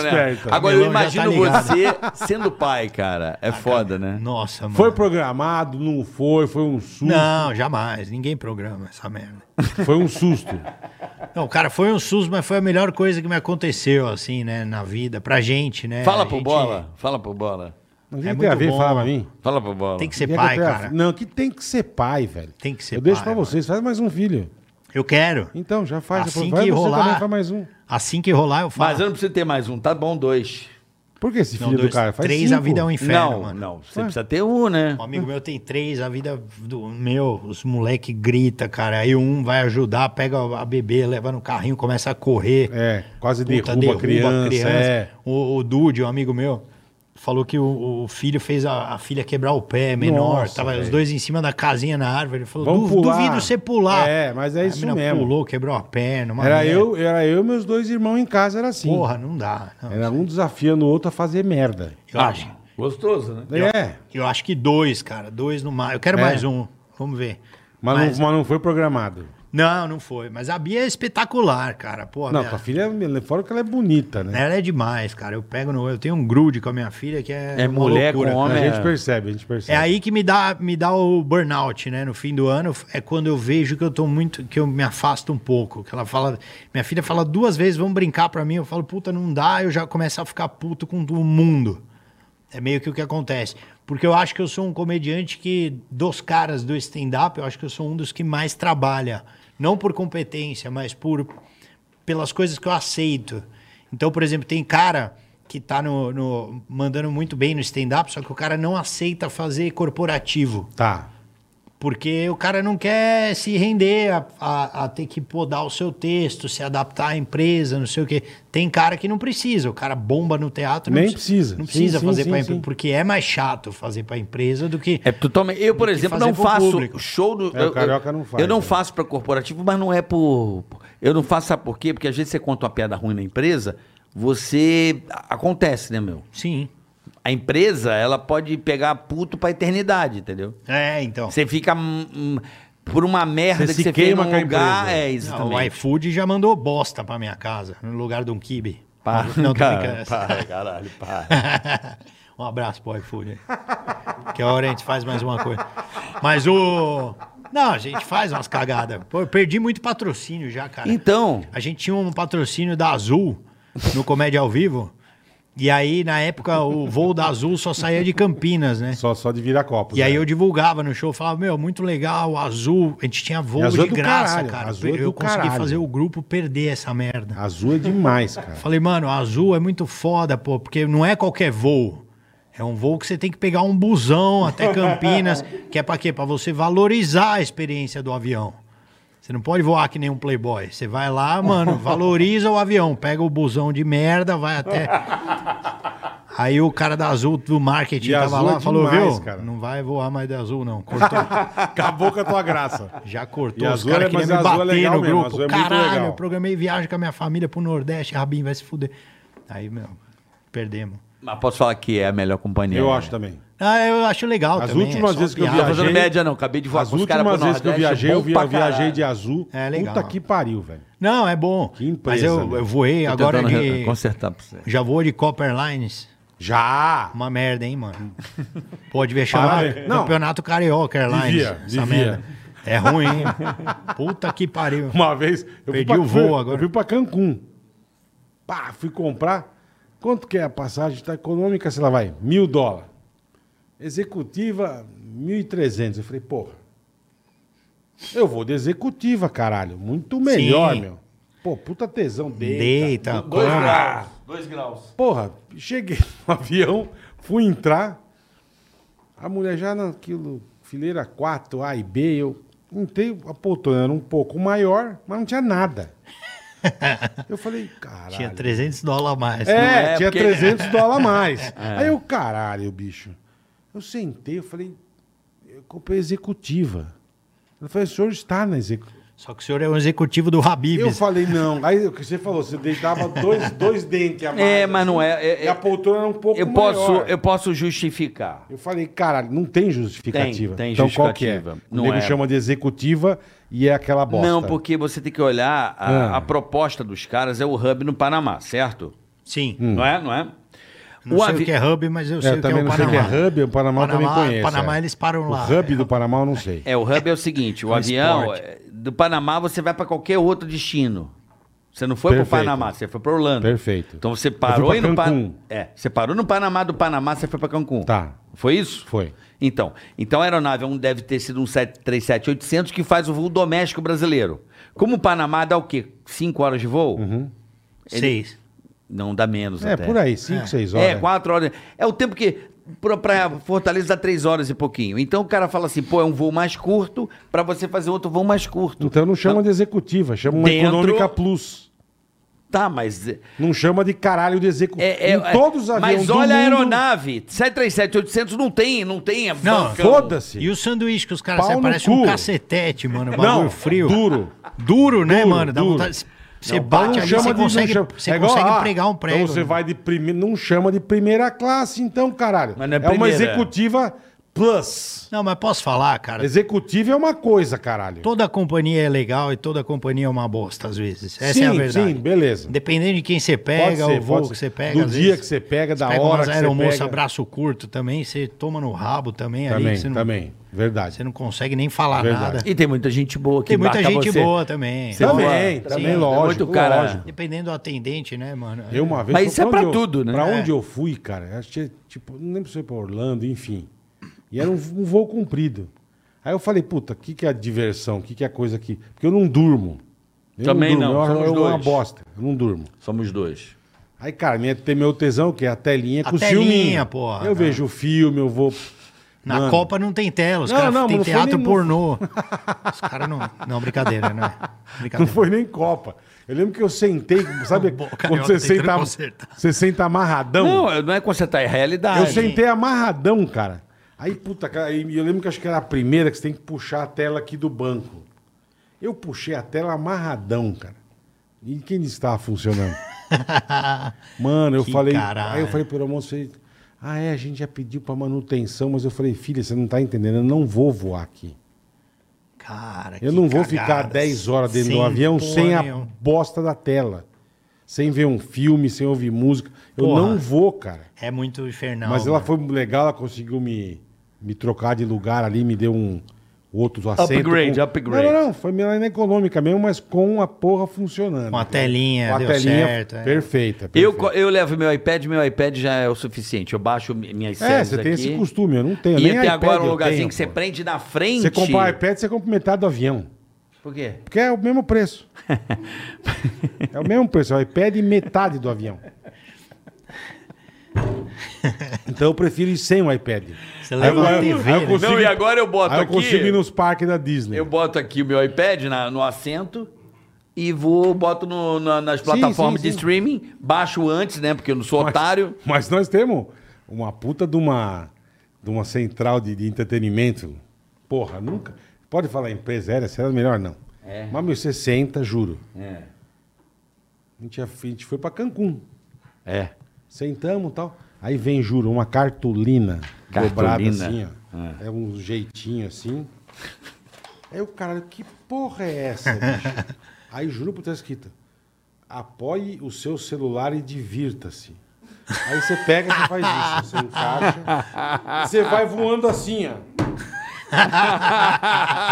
Eu falei, não, cara, não, não. Eu fiz até um vídeo, eu falei, chupa, Emirates. Ó a central de entretenimento dessa porra, caralho. Chupa, Emirates. Falei, mano, que fim de carreira. Mas leva o iPad, você não, não tenho depende. dinheiro né? pra comprar, eu tenho que Pô, vender o carro pra comprar um iPad. Passaredo, velho. Vende lá o teu iMac pegou? lá. Passaredo. Passaredo fala, em Como é que caso vai de sem pouso dólar? no aeroporto, porque é tão difícil que é pousar no certo aquela porra, mais certo é cair, né? em caso de pousar com vida, você só Você sai tem da medo de aeronave. avião, Rabi? Você tem medo de Pra avião? caralho. Em Ainda caso tem. de pouso no aeroporto. Pô, me... Você- E porra, e você precisa do avião pra fazer show no cago Brasil na inteiro. calça, mano, e- Ah, vá. Mas você toma medicina. Tá, vá. Você caga na cama, na calça, mas você toma medicamento. Pô, essa, esse voo, não, me Você deu não- uma você não suadeira. se- E, o meu, e não tem porquê eu ter, o meu- o meu pai era piloto, né, de avião. Caralho, que demais, Mas meu. ele já caiu com o avião. Talvez isso me dê um pouco de medo. O pai ficou três meses em coma. E antes de eu nascer, né? Claro. E, pô, mas ele me explica tudo. Fala, meu, impossível, não cai. Quando der É o turbulência. erro não- humano, né? de boa. é. não- Então, pra tipo, cair um avião é. Mas eu me cago, eu não gosto de ficar na mão dos outros, assim. É, Por tem quê? razão. Não sei, cara. Eu entro no avião, eu já dou uma rezadinha, o bagulho sobe. Mas você eu, não toma caralho. nada. Um Não. que- Um, que, um que vai e fica bem louco é o Bolinha. Ah, mas quando que ele fica O Bo- normal? Não, mas o Bolinha toma uns puta remédio. É, eu fico Uns meio Não, puta ele tem, remédio. Meu ele tem, puto, é, que ele Tem já pavor, ultrapassa do tem medo. pavor, é. é. Medo é uma coisa, o cara tem fobia. Uma vez nós fomos pra Porto Alegre gravar. o Ele negócio- gela, fica o com negócio da febre. Bolinha. Ele desceu, ele não falava. É, É, tem- isso, mas- é, cara, que isso, irmão? é, ele não Os pode... remédios que ele toma Eu pra fico- poder voar. Eu nem cara. tomo remédio pra não dar ruim, cara. Pra eu não entrar numa bad trip. Pra assim. poder voar. É. Mas eu- o avião às vezes dá umas turbulências assim. Eu fico. Pô, peguei uma em Floripa, uma época a gente tinha parceria com o Costão do Santinho, que é um puta Do lugar caralho, legal. do caralho. Aí o, o avião faz aquela curva na ilha, ele deu uma turbulência de lado. Eu nunca Nossa, vi isso. velho. O avião tava de lado, fez assim. A galera gritou. Ah! Eu Falei, não, pelo amor de Deus. velho. Pelo amor de Deus. Então me dá Mas uns cagaços. agora mesmo. eu achei você corajoso, hein, Rabinho? Você ficou quanto tempo nos Estados Unidos? Um mês. O dólar a seis? É. Foi. Parabéns, hein? que é melhor. Não, mas tive ajuda, né? A Priscila Parabéns. do Porsche que me emprestou. Ah, Bom, do olha, alguém- carro. tem os jabazinhos. Sai- Saiba, Ó, que, galera- saiba que Não. tá com excesso de óleo. A Priscila é Porque da, por, eu é- falei, o Rabinzão tá, tá corajoso, é da velho. Bis, né? Produtora, me emprestou a casa Legal, Bis é dela do também. caralho, é. Caguei no sofá, inclusive. Pedi desculpa. O... Precisa ver a cadeira Porra, nossa o Bruno. Ah, fiz dois shows, né, cara? Pra dar Ah, uma- você fez show? Sim, pra dar uma Ah, ajuda, entendi, né? Ganhei entendi. uns doletinhas pra poder pagar o aqui. bagulho. Entendi. É. Fiz show em Quem Boston tava e. fazendo show lá é um orgadão Pô, também, né? Boston, eu e fiz show em Boston Framingham. também. Animal. É legal Boston, Pô, né? tem um cara que produz, é meu amigo aqui do Brasil, chama Bruno. É. Ele tem uma gráfica lá em Boston, Cuco Signs. Boston e lá, o cara como é que- divulga todo mundo, ele tá Como é que é o divulgando nome o da- Whindersson. do tal, lugar né? lá? Do, é, o Whindersson Legal. tá indo pra lá, né? Morgado fez show lá também. E o Bruno que tá divulgando. O cara é foda, Ah, mano. que legal, cara. O cara que te legal. recebe, ele é meu amigo, ele começou a produzir por, de amizade, assim. Eu falei, Bruno, você tá morando aí e tal, não sei o quê. Ele, pô, você não quer produzir meu show? E ele, como tem uma gráfica, ele fazia todos os anúncios pros produtores, né? Aham. Meu, o cara nunca tinha produzido na vida. Eu cheguei lá, o cara me recebeu com uma limusine adesivada Caralho. com o meu nome, É. o bagulho. O cara tá foda, assim. Lá é. não, porque eu e- achei, eu achei que você tinha tomado muito, desculpa, que você Imagina, tinha Bola. tomado muito no cu, porque eu falei, puto, o Rabinho era que foi voltar pro Brasil e descobriu a Covid. Ele teve Não. que ficar mais tempo Não, não, lá e não. gastando em dólar, cara. Eu ia pra Costa Rica, É, só você isso. falou, Levei é. minha prancha pra passear até É, lá. Lá, Andar de- Boston, Boston é, andar de é- avião. é Everett, né? É, Everett, lá onde fica a, a comunidade brasileira em Boston. que, que é? É, não sei. Everest, eu, nunca, pô. eu nunca fui pra. Não, Everett. é porque tava um frio do caralho agora. É, não, é que, é que Boston, os É brasileiros. o primeiro show Assim- no pico do Everest. Não, a o Everett- Rabinho que fez. Não, Everett é o, é o, é o, o lugar onde todo mundo faz não show. conheço Boston. É onde moram os brasileiros. É tipo Sim. uma cidade do lado de Boston. Framingham. É o nome. é? Chama Framingham. Meu, você chega nessa. Impressionante. Não é Everest. Você vai na Não, é cidade. Everett. Everett. É, de- deve, ter também. É, não, ali Essa tudo- é a brasileira. tudo tudo, muito é brasileiro. Só tem cara. brasileiro. Pô, É. você chega lá é lá, foda. Igreja Universal Churrascaria, Universal Churrascaria, Universal Churrascaria. Meu, só, só brazuca, assim. Então você vai. Galera te te recebe bem pra Qual caramba. lugar que você vai lá? Framingham e Boston. E é uma galera muito bacana, assim, porque, pô, batalhadora, né? Os caras estão há 10 anos tentando Dão um puta gás, conseguir o é. visto, não consegue voltar pra cá pra visitar os, ca- os parentes. Então, eles ficam muito felizes, assim, E quando, ver quando a gente brasileiro. cola É. pra lá pra fazer show. É, mano, é sensacional en- encontrar essa galera. E um frio que tá, tá menos 20, cara. É Caralho! Tá menos 20. Eu mano. peguei isso também Tá lá. com- Eu, Que eu me, pariu. fui- me mijei nas calças, fui tirar o pau pra fora, tava de gorro minha rola. Frio do caralho, mano. Se você impre- Bagulho ardendo assim a cara. Não contente em se cagar e se mijar. Cara, eu Frio. juro, é inacreditável. Nossa Senhora. e, e lá a calefação é do caralho, é tudo. tudo Sim, sim, sim. Meu irmão, eu lembro um dia que eu fui. fa- O cara, não sei, eu tava no. no- tipo, fizeram uma coletiva antes, eles armam uns eventos antes do seu Sim. show pra Sim, sim. conversar com aquela imprensa local, Sim, sim, né? sim. E eu lembro de eu estar conversando com a galera que tem os, os sites, os blogs é lá da muito foda. Você se comunidade. sente o Filipão, né? No bagulho É. tem uma coletiva pra você. Bonito. Bicho, né? eu É, vou juro por escalar Deus. o Neymar. E eu lá conversando nesse, nesse jantar, de- do- como é que vai ser, a vi- a, comunidade brasileira. Algum filho da puta abriu a porta atrás. Bateu aquela brisa. Meu irmão, eu juro pra você, eu falei. Eu só fiz assim, Nossa, ó, velho. caralho, meu irmão, é um negócio que é assustador. É, menos É um frio 20, porra, assustador. É muito frio, cara. Você tá com sono, você sai pra entrar no carro, você acorda. Você toma, você toma tipo aquele peido da Elsa na cara. Você, você fala, caralho. Você já acorda na mesma hora. E, e quer ver outra coisa? O bagulho é tão frio, mas tão frio. da Elsa. Você percebeu isso também? É tão frio, mas tão frio que quando você dorme, você achou um jeitinho, você não se mexe mais. Mano. É, Porque deve se ser. você se mexer, Você já pega entra a parte geladinha. algum frio, você pega. Cara, Cara, o- caralho. O, produtor de Framingham d- botou uma garrafa de uísque, assim. E eu tô sem beber, assim, tipo, depois de casar, né? Muito tempo. Eu não tô mais de encher a cara, É, meu. você toma só eu um- tomei a garrafa. Saí Caralho. andando, saí andando normal. Tomei um vento na cara, fiquei sóbrio. Acordou na hora. Só deixei mil dólares no cofre, perdi. Como eu tive perdeu? que pegar o voo correndo, esqueci uma, um Pô, tá dinheiro, bem né? de grana, hein, meu? Você esqueceu mil dólares. É, que eu fui Seis mil reais. dividindo o dinheiro, né? Pra não parecer um traficante no, no- no avião, né? Hum. Então eu botei um pedaço no bolso, um pedaço não sei o quê. Aí deixei um pouco no cofre, acordei mesmo. Perdi. Largou. Fiquei, ficou lá. Mas enfim, alguém tá rico lá, ganhou um dinheiro. Ganhou. Não, alguém ganhou mil dólares. Alguém que ganhou seja, milzão. Que seja a, a tia. Seja um segurança legal, porra. É. Não, mas é, pô, legal demais. Mas voltando ao bagulho de marca, nada a ver, né? Eu sou um cara que eu dou muita mancada, cara. Não, não sem pode. Querer. Não vamos falar de marcas, porque. é- É. Quer ver uma? Eu nunca. Eu tinha parado há 10 anos, cara, de fazer. Porque m- piada batida, vai. Tem coisa que é piada batida. Habibs. Os caras cobram barato, então piada batida. Eu fiquei 10 anos sem fazer piada. Aí um dia deu uma merda. Com, o pre- eu tava fazendo piada com política do Brasil e do mundo no show. Aí o presidente da Síria soltou uma- um gás na população que envenenou todo mundo. Aí eu tô no teatro. Porra, esse cara da Síria. eu Nem entendo o assunto, mas fiz piada. Pô, esse cara da Síria, quem que ele pensa que ele é pra envenenar as pessoas? O dono do Habibs? Quem tava na plateia? Com a esposa, o seu Saraiva Puta que pariu. já, eu não sei nem como, esses caras têm poder, né? Já mandou um SMS, viu, Rabin? Aqui no Habibs, as esfirras não tem veneno. Eu falei, não, tô ligado, foi só piada, mas você jura que você tava hoje, porra? Aí ele- eu, eu, puta cara legal, tem uma história de Hum. Puta vida. cara legal. É. Puta A gente já cara legal. entrevistou o Alberto Saraiva. Várias Tem vezes. livro. Ele é um cara- muito legal, legal. ele é foda. Ele é maravilhoso, A história é foda. Até ma- mandei uma puta mensagem pra ele. Falei, mano, porra, desculpa, pelo amor de Deus. Faz se quiser, até me processa, mas não manda esfirra pra minha casa, pelo amor de Que eu não quero morrer envenenado. Não, brincadeira. sacanagem. Também fez Um abraço isso, pro é. Saraiva, pras esfirras. Alberto É Saraiva. bom pra caralho. Muito bom. Habibs é da hora. Comemos direto. Vamos lá. Patrocina aí. Sacanagem. Por dessa, amigão. Só a baia. só Baigon. Assim, né? Raid vai te patrocinar. Vamos lá, galera. Vamos, pro lá. superchat. Superchat, hoje recebendo é, esse. Fábio Rabin, maravilhoso. Terror das marcas. É o terror das marcas. Você podia, Maravilhoso. você podia fazer isso pra esses caras que usam, pra- compra roupa, tipo eu, né? Apesar Tipo que você, é. Não, mas essa aqui não é marca Não de é roupa. comida. Mas aqueles caras que compram pra dizer que comprou uma marca de roupa, sabe? Com a letra da roupa desse tamanho, assim, pra dizer que comprou a É, roupa. aquela Cara, polo com cavalo gigante. cavalo não, já é uma girafa, né? com um tacão. É.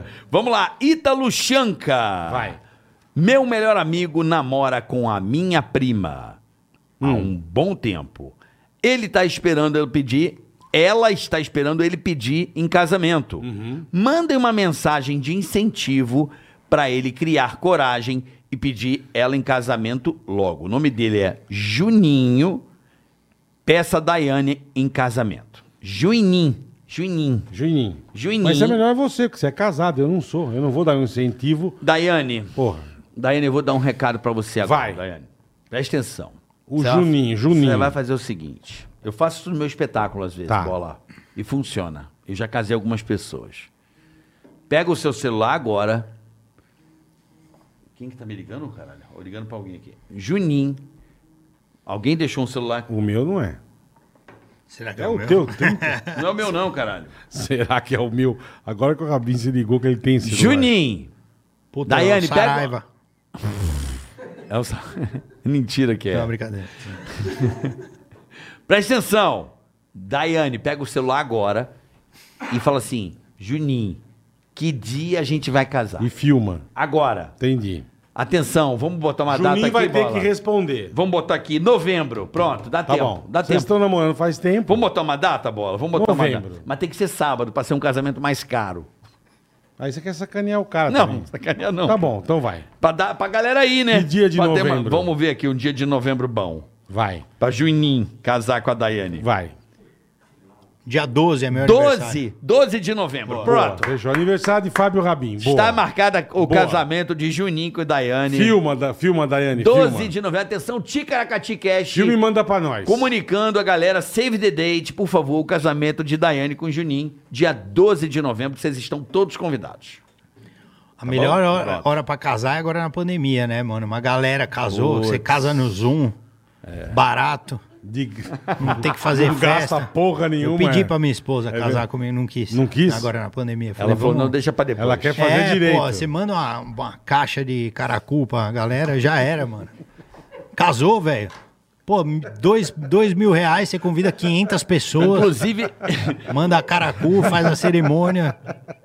É animal casar na pandemia. Toma, cara, cu. É, mano. Se quiser mandar Colorado, bagulho melhor. Manda a cerveja do Carioca, manda. Mas o cara Casou, cu já velho. dá. O cara já cu dá, já dá pra Vamos casar. lá, já. Toma uma, vamos cara. lá. Segue. casar manda um kit, né? Quem vai casar é um japa, meu. Na, na- no Zoom, já Agora, sim. não. Não. O japa vai casar. O japa vai casar de novo. ele vai casar, que da hora. Vai, vai casar O de japa novo. é fudido, velho. Terceira- no oitava vez. É, Faz. Mandar a caracu. HB Peinado. Eu vou pra Caracu hoje, cara. Peinado, olha que grande bola Meu carioca e rabim. Curtindo vocês desde o Pânico na rádio, esperando Obrigado, irmão. pra tomar uma, Gui... ó, uma Guinness no, Ah. no Cliffs of Moher, na Irlanda. Ó, animal, Pô, hein, tá mano. Hum. fácil nós ir pra Irlanda, mas obrigado pelo convite, irmão. Manda um abraço pra minha esposa Gislaine, filha Vicky e filho Arthur. Gislaine, Vicky, Arthur, abraço pra vocês. Como chama o pai? É, Peinado não, é o... É o... Peinado, né? Peinado. É HP Peinado, Peinado. tá dado aqui como chama. Ah, a- Peidado, pronto. Arthur, Vicky, e Arthur. E Gislaine. Vicky, Arthur e Gislaine, abraço pra vocês. Obrigado, aproveitem O na Irlanda peidado, aí. o peidado lá de Dublin. Deve Peidado. ser Dublin. E ali, Peidado. mano, tem muito brasileiro, cara. Fiz um Também show é. lá. Em Dublin? No- em Dublin, s- muito brasileiro, cara. Impressionante. Tem mais do que irlandês até. é muito, porque o, a Irlanda é, é um país um pouco inóspito, assim, né? É, Se comparar verdade, com os outros verdade. da Europa, muito É vento. inóspito, é. Então, pro brasileiro, quando ele chega lá para trabalhar, te- tem, pouca gente que trampa. Que o- o- geralmente o irlandês ele sai fora da Irlanda, vai morar na eh, Londres e tal. Então a Irlanda é um puta refúgio, assim. Tem muito brasileiro. Fichou lá, fiquei impressionado, assim, lotado o bagulho. Legal, pô. E até o produtor, o David, é o cara que tá fazendo Portugal agora, então. eh, Irlanda é um tesão, assim, de ir a cerveja, aqueles pub, né? Aquela música. É, Deve Né, ter gos- deve ter gostado Aqueles pouco, filmes né? de dragão. Você toma um, um Irish Car Bomb. É uma bebida animal. Irish Car Bomb. Irish Car Bomb. É uma cervejona Guinness aqui desse tamanho com dois shots de Baileys na base. Caralho. Você A hora toma que você o bagulho, vira- bum, mano, já dá aquela caganeira. Você já...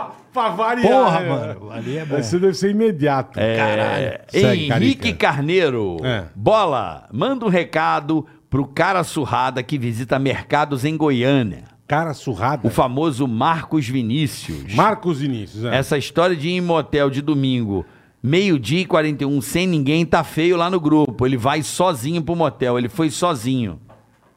Será que é que nem eu pra fumar? Na época do... Ah, do hotel. É, eu ah, ia é, pro flat. Não, mas não era pro... Não, mas o cara vai pro motel sozinho fazer o quê, essa besta? meio-dia e 41. Ele vai meio-dia e 41 sozinho Marcos pro motel. Vinícius, isso. Puta, Marcão, você é bem louco, hein, meu? Que bosta, É mais velho. fácil assinar o sexy hot, cara. Não, é, cara, fica em casa, vai pro motel sozinho fazer o quê? Apesar que eu já fui também. Já foi sozinho? Já. Ia tomar hidromassagem. Pô, mas vai num spa, caralho. Não, mas Vocês não vão tinha no dinheiro, eu motel? ganhava Não, mas da rádio, o hidromassagem- cartãozinho. eu ganhava da rádio, porra. Safanava o É, prêmio. não, afanava o cartãozinho e ia tomar. Eu fui sozinho. Mas é uma bosta ir sozinho, seu trouxa. É uma merda. Eu, fui, É, cê eu é ia louco. fazer hidromassagem. Tem por Pedi uma quê. porção de salame e tomava hidromassagem. É do caralho. Mas no spa não dá pra tocar Não, uma, né, Bola? No spa não dá, não.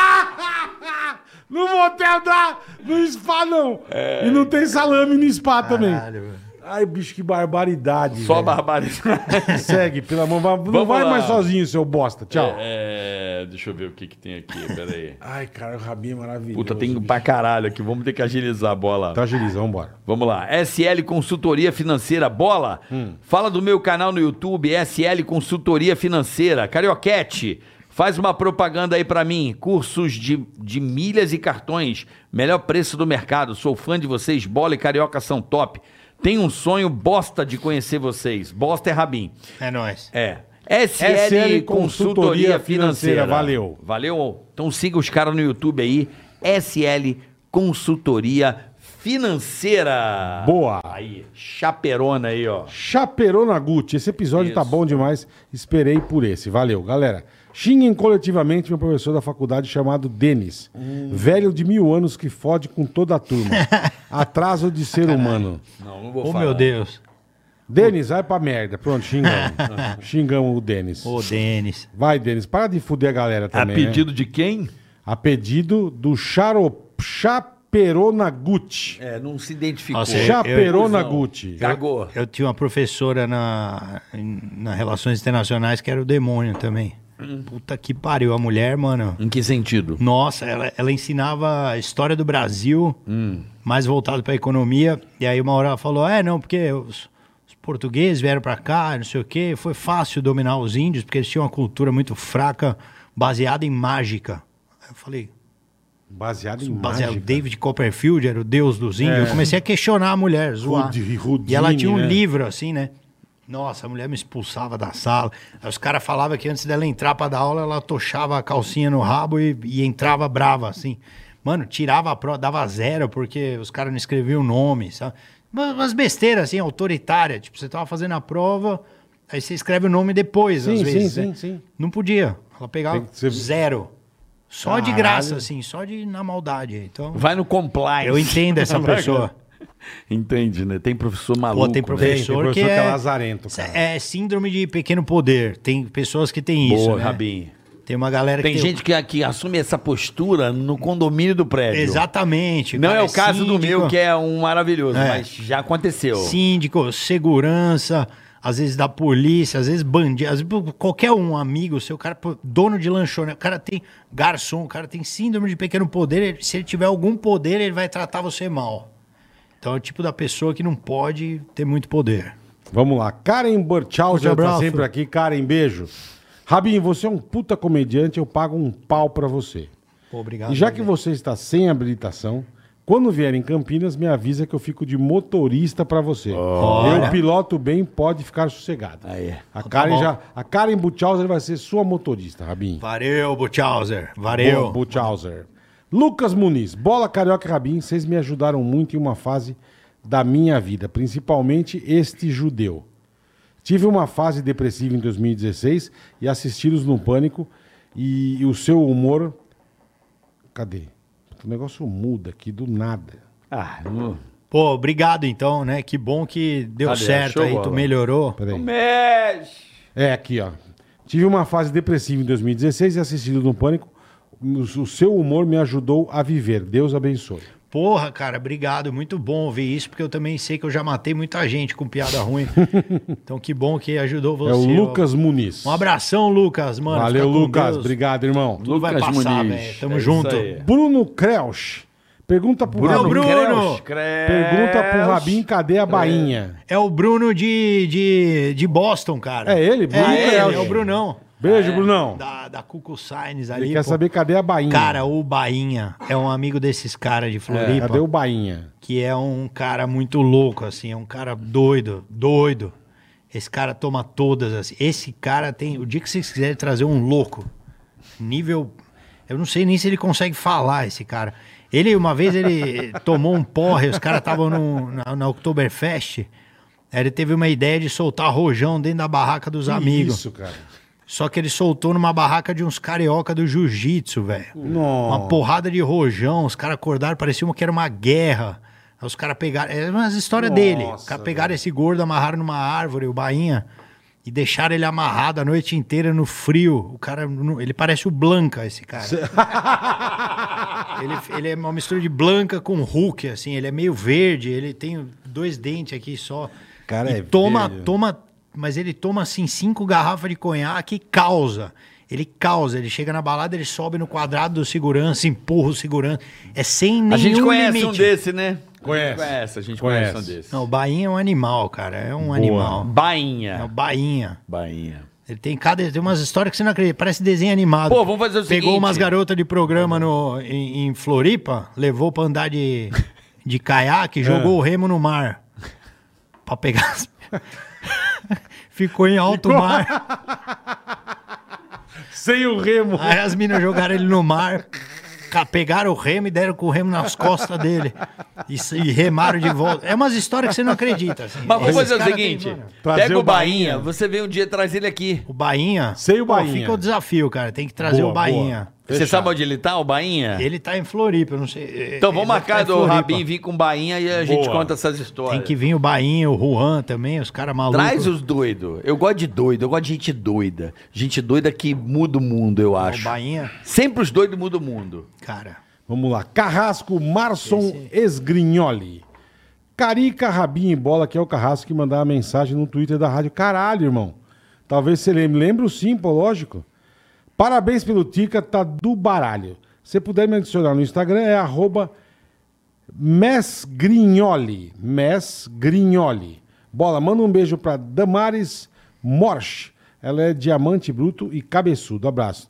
Então, Damares Morsch, abraço pra você, tudo de bom. Carrasco, valeu, irmão. Obrigado pela mensagem aqui. É Isso Lembro aí. sim, você participava do Twitter lá, legal. Alisson Renan, bola. Ontem foi aniversário do meu amigo Esperma. O cara, o cara tem apelido um de Esperma já não. Ele perdeu 150 doletas no truco. Pode xingar ele pra nós? Do grupo Rimas da Ofensa. Abraços.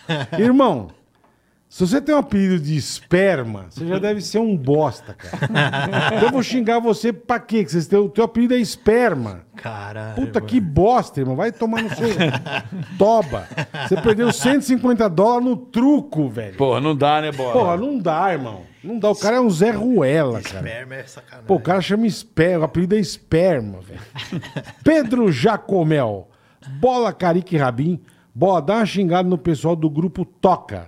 Toca. Só tem noia e vagabundo lá. Grupo Toca. Quem não manda no Paraná e quem manda no Paraná é o Furacão. Hum. Tamo junto, todos lá são fã de vocês. Furacão Abraço. é o- Pô, obrigado, irmão. É o Atlético Obrigado. Paranaense. Paranaense, É. que fez Então é o uma seguinte. sacanagem com nós, né? Vendeu o Pablo, seus filha da mãe. Então, ó, Um pessoal do abraço. grupo, pessoal do grupo Toca pra xingar, vocês são tudo corno, frouxo e trouxa, tá? É. Pessoal do grupo Toca, vão se fuder. ó quem tá aqui, careca, de novo. Shop Info, Ô, Shop sempre com a Info. gente. Shop Info, ó, PC com esses caras aqui, tá? Só pra falar, viu? O Toca é tipo o Comando Vermelho lá no Paraná. É, o Caroca que xingou. É, vamos Não, lá. brincadeira, só pra deixar você com o cu na mão. Já joga a culpa no outro. O cara se caga. Quem xingou foi o carioca, viu? Não fui eu. Shopping. Fala bola e carica. Nem só de PC vive um gamer, né? Verdade. Então se liga nessa oferta de cadeira gamer, carioca, da Neologic. De 629 para 529 à vista, com o cupom SENTADÃO. Número Sentadão. SENTADÃO. É isso aí. Boa. Número sentadão. Então, se usa esse cupom, tem 100 reais de desconto na cadeira gamer. Corre tá? lá na Shopping Info. Chega de dores nas costas por passar a madrugada jogando. Agora, a única dor que você vai sentir é de perder a partida. Boa, é isso aí. Vem pra Shop Info. shopinfo.com.br, tá? Exacto. O Marcos Shade, pessoal da rapaziada da Hora do Texugo. Hora do Texugo. Toda semana apavorando no Deezer, Spotify, com comédia sem filtro. Essa semana, histórias cabeludas da adolescência crente. Hora do Texugo no Deezer e Spotify, supostamente o maior podcast de comédia do Brasil. Hora do Texugo aí no Deezer e no Spotify. É só áudio. Histórias Vai daqui, cabeludas da Carica. adolescência crente, eu tô Você curioso. É, já curtiu? Hora já? do Texugo. Já, hora do Texugo. Você já. Uma vez eu tropecei no arco-íris. É, tá Mas bem é louco, hein? cabeluda, né? É de lascar! Sou fã de vocês há quase 20 anos, esse podcast é pica! Rabin, você é foda. Tô começando agora no stand-up e quero divulgar meu Legal, Instagram, legal. Vai. arroba comédia com dois Ds de dado, YA. Comédia. Comédia. E tem um, um ponto de exclamação, é isso? Será que pode no arroba? Não sei, mas ó, boa sorte aí, mano. Comédia, arroba comédia com DD, YA, ponto de exclamação, com dois Ds e um, e, e um Y, é isso? Caralho, Pô, tá mano. fácil, é. O cara precisa fazer um curso de, de, de hebraico Ah, pra é. entender. o- Arroba comédia DD, YA, tá bom? Arroba comédia. Redublagens, imitações e trecho de stand-up. Uma pergunta, qual é o melhor amigo do pânico de cada um de vocês? Olha. Meu amigo do pânico. Cara, no meu caso eu andava muito com o Carlinhos por ser solteiro, cara. Então eu tive muita, eu tive muita balada, muita festa, muito o carioca já era casado, eu saí pouco com o carioca, Sim, a gente não saia não muito. saía junto. muito, é. Então eu tive mais convivência com o Carlinhos. Carlinhos. Carlinhos, é. Você, Rabin. O meu foi o Zuckerman, né? Acho que era a du- Zuckerman, a é dupla, verdade, né? é, a gente é. ficava grudado de um lado Verdade. pro outro, fumando, torcendo pra gravar alguma coisa. É. E você, Carica? Bom, você é meu compadre, Sim. Bora, graças é meu a Deus. compadre, né? Ele é padrinho da minha filha. Mas o cara, assim, que era meu amigo fora do programa e foi trabalhar no programa, é o Alfinete, Ouriço. No No, pânico. Pânico. Boa. Mas Daniel Zuckerman depois Ah, também. não, Boa, isso que eu boa, falo. Eu tive, pô, eu sou amigo Bolinha, de todo mundo. cara, Bolinha, é. meu querido amigo. Eu sou brother de todo mundo aqui. É. Eu tive Menos mais... o Vesgo, que é um desgraçado. O Vesgo é gente boa pra caramba. Eu tive mais convivência com o Carlinhos, mas eu sou brother de todo mundo. Pô, inclusive queria ter visitado ele lá em Orlando, né? O Vesgo sumiu, mano. Vocês não trazem tá ele morando pra nos cá Estados Unidos. pra, pra entrevistar? Tá louco. Se ele, se ele Ô, vier ô. pro Brasil, vai ser um prazer, pô. Cadê os Tem que textos que, vir. estavam aqui? Sumiu tudo? Tá uma É que eu beleza falo, tá isso aqui. sumindo as coisas. Tá uma beleza. Mas paramos Uma aonde? pa- Bom, enfim, eu eu vou resolver isso aqui. Ô, vocês têm que chamar o Vesgo, é exclusivo, hein? O Vesgo vai ser. Se ele vier pro Brasil, ele vem aqui, certeza. É. Ele vai vir, ele vai vir. Eu falei com ele esses dias, um querido amigo, Rodrigo Scarpa, mais conhecido como Teve uma Mineiro. filhinha agora, né? Linda, a menininha. Teve. Um- uma, É. Vesgão gente é muito fudido, boa. Um né? abraço pra Gabi, esposa dele. E a tapioteca que é maravilhosa. Porra, eu como de grátis lá, Ticaracati, como de grátis. Tá. Um grande. É. o- o- o- Famosa o- Maceió. né? Já dá uma Vesgão, cagada no aeroporto. Vesgão. O Ah, Lavinho só caga, velho. Não, Que Maceió. é- Ah, Não maravilhoso. dá, bicho. não dá. Assim não vai dar, assim não vai dar. Bruno Bepler, bola e carioca, admiro o trabalho de vocês. Manda um abraço para os clientes e amigos da Topzito Lanches. Top. Topzito, Topzito Lances, abraço pra vocês, tudo de bom. Vamos aí comer um, um hamburgão. os melhores assados da quebrada. Pô, aí sim, hein? Mundo Novo, Mato Grosso do Sul. Tá certo? Ô, pessoal, dá, uma junto. moralzinha lá, dá uma moralzinha lá no Insta, arroba top.zito, tá bom? Top ponto Zito. Fechou, irmão. Valeu. Top ponto Zito. Arquibancada Tricolor. Aê, rapaziada. Bola e Carioca, faça uma propaganda Ah. do Arquibancada Tricolor, um dos maiores sites do SPFC, São Paulo, São Futebol, Paulo Clube, Futebol Clube. Que inclusive já en- entrevistou Paulinho Rabin.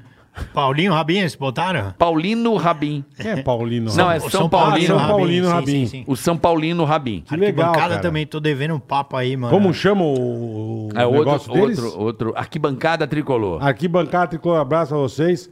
Pau- o Paulino Rabinha, show de bola, E velho. vamos ganhar alguma coisa, hein, mano? Esse- um jogo, pelo menos. Um jogo. Pelo menos um jogo. Encerrou aí, ô Alpizeira. Tem mais? Alô, Alpizeira, cadê você? Alô, Alpizeira! A Alpizeira tá aqui, vem cá, Alpizeira. Pode entrar aqui, por favor, Alpizeira. Você vai tomar uma chupada no Não, Tá carioca. não, eu só quero entender, não é chupada. Só quero entender se pode encerrar, se não, né? Alpizeira, se quiser falar aqui, também fala aqui. Eu preciso Fala saber. no lugar do diretor Rafa. Acabou, não acabou? Tem mais, não tem? O Alpizeira não está lá. Deve Aonde estar ele lá tá, o Alpizeira? No, no segundo andar. Ele tá no segundo andar, Alpizeira? Aparece É aqui, aqui. É o diretor? A firma tem 46 andares. É, Aqui foda. exatamente. Essa produtora tá grande já. Tá gigante. Ó, ele tá falando aqui, ó. Calma aí. Calma aí o quê? É Calma aí. Toda a calma do mundo, A gente Alpizeira. fica aqui, calma aí. Calma aí, ok, É o calma aí. switcher. É, o suíte era no terceiro andar. Ele é. manda um calma aí. Então, enquanto isso, eu vou convidar todo mundo pro meu show. Boa, pô. aí, É, boa. é, dia 5, agora, sábado, no Teatro Opus Frei Caneca. Tá embaçado a última temporada. Esse show tá muito legal. E tem um desconto aqui pra todo mundo que tá ouvindo, vendo a gente no Ticaracatica. Hashtag Ticaracatica, o cupom de desconto. Como é que é a direção? É só dar um print na tela? É isso aí? Você que faz o Você que bagulho. faz Não o fui barulho. eu que fiz isso aí, pô. Foi Chega o- lá quem que e fez, fala, ô, caralho? ô, ô, manda. Não, mas é- são 50 ingressos só que Só Então deve 50 ter é isso. esgotado já, nessa altura do campeonato. Já deve ter É, esgotado, então mas... já deve ter ido. Põe lá, a Hashtag hashtag, Ticaracatica. Ticaracatica, você vai ter quanto por cento de desconto?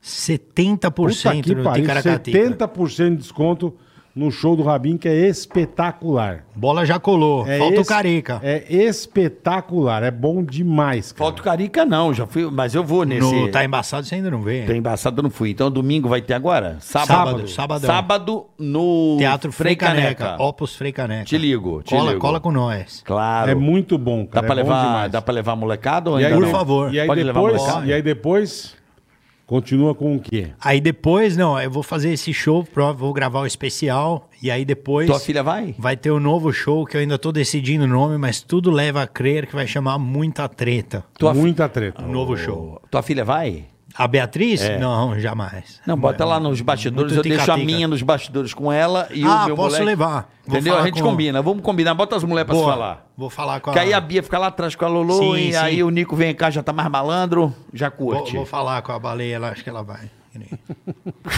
A Camila. Dudu Prado, Bole Carioca, animal esse encontro de vocês. Queria convidar todo mundo que gosta de queijo, É. seguir nossa série do Instagram, Opa. arroba Eterno Enquanto. É isso? Arroba Eterno Enquanto, Eterno enquanto. tudo junto, Certo. que vamos estrear esse ano no Globoplay. Ó, aí Abraço, sim, hein? Dudu Prado. Valeu, Dudu. Obrigado, irmão. Obrigado é mesmo. isso, é isso. Foi pra conta? Deixa eu falar com o Alpizeira. Alpizeira é isso. Alguém precisa me dar um ok. Ele vai te mandar aí. Isso. Ali Entrou- o outro mo- mostrou uma mensagem que não dá pra Posso, enxergar. ser- posso mais? encerrar? Não sei. eu- eh, não está organizado isso aqui. Mas vamos organizar. Aqui, vamos ver. Chegou mais uma aí, Boletar. Lucas Muniz. Tá. Manda. Parabéns, bola. Parabéns, mano. O Rabi, Ó, Ah, mano, o Rabi criar mandava essas vinhetas. todo dia, cara. Eu come... Gravavas de otimismo. com- Aí eu falava, gente, o amor é lindo, a terra constrói. Parabéns, bola. Por quê, Rabin? Lembra? Todo dia. É, Então vamos cara. lá. Palavra de otimismo com o bebê gigante. Palavra de otimismo com o bebê Eu tinha, gigante. eu tinha esquecido. É muito bom. Fala, Parabéns. Rabin. Parabéns, bola. Vai lá, gordo. Vai. Parabéns, bola. Parabéns, bola. Por Ah, quê, Rabin? Participou de um podcast. Qual podcast? Eu não sei, que eu não decorei, porra nenhuma. o Bowl.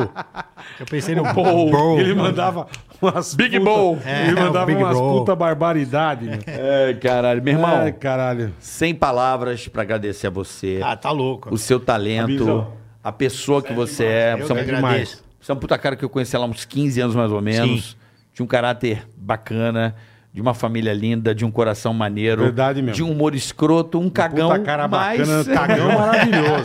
Cagão maravilhoso. Olha, Mas de verdade, Popô. a gente tá muito feliz. Obrigado, Marcar Rabinho. mais encontros aqui, Vamos trazer uma marcar galera. mais, sim, pelo Fala amor de merda, Deus. viver. Você e o gordinho que Vamos. ficou amarrado na árvore. Eu e o Bainha também. Bainha. Bainha tá Trazer um o Bainha e convidado. o Bainha. Bainha convidado. E Até semana sabadão que a vem. galera aí com o Rabin Sabadão. no teatro Frei Caneca. Teatro Opus Frei Caneca, cola Opus. com nós. um abraço mano. pessoal da Opus, Porra. hein? Ó, No hashtag Ticaracatica, 70% de desconto, hein? É isso aí, o pessoal do Grupo Opus, um, um muito organizado. Acho que é o maior grupo de, de teatros do Brasil. Eu, Sim. particularmente, quando tem Grupo Opus na parada, eu fico tranquilo, porque eles fazem um excelente trabalho e eu gosto de gente competente. É isso aí, Tá pô. certo? Tô lá, tamo lá com o Tá Embaçado aos sábados ali, agora é nosso. E, mano, se Deus quiser, vida longa, assim como foi no, no Teatro das Artes do Eldorado. Boa, é isso tamo aí. junto. Valeu. Beijo, pessoal. Até semana que vem. Valeu, valeu, Poker É Valeu, Stars. beijo, valeu, beijo. AproSoja, Mato Grosso. E até semana que vem. Domingo tem jogo, né, Boleta? Domingo temos jogo, eu, Carica e Silvio Luiz. Quatro da tarde no R7. Valeu, Tchau, pessoal. Até rapaziada. semana que Valeu. vem. Ticaracatica, ticaracatica, ticaracatica, ticaracatica.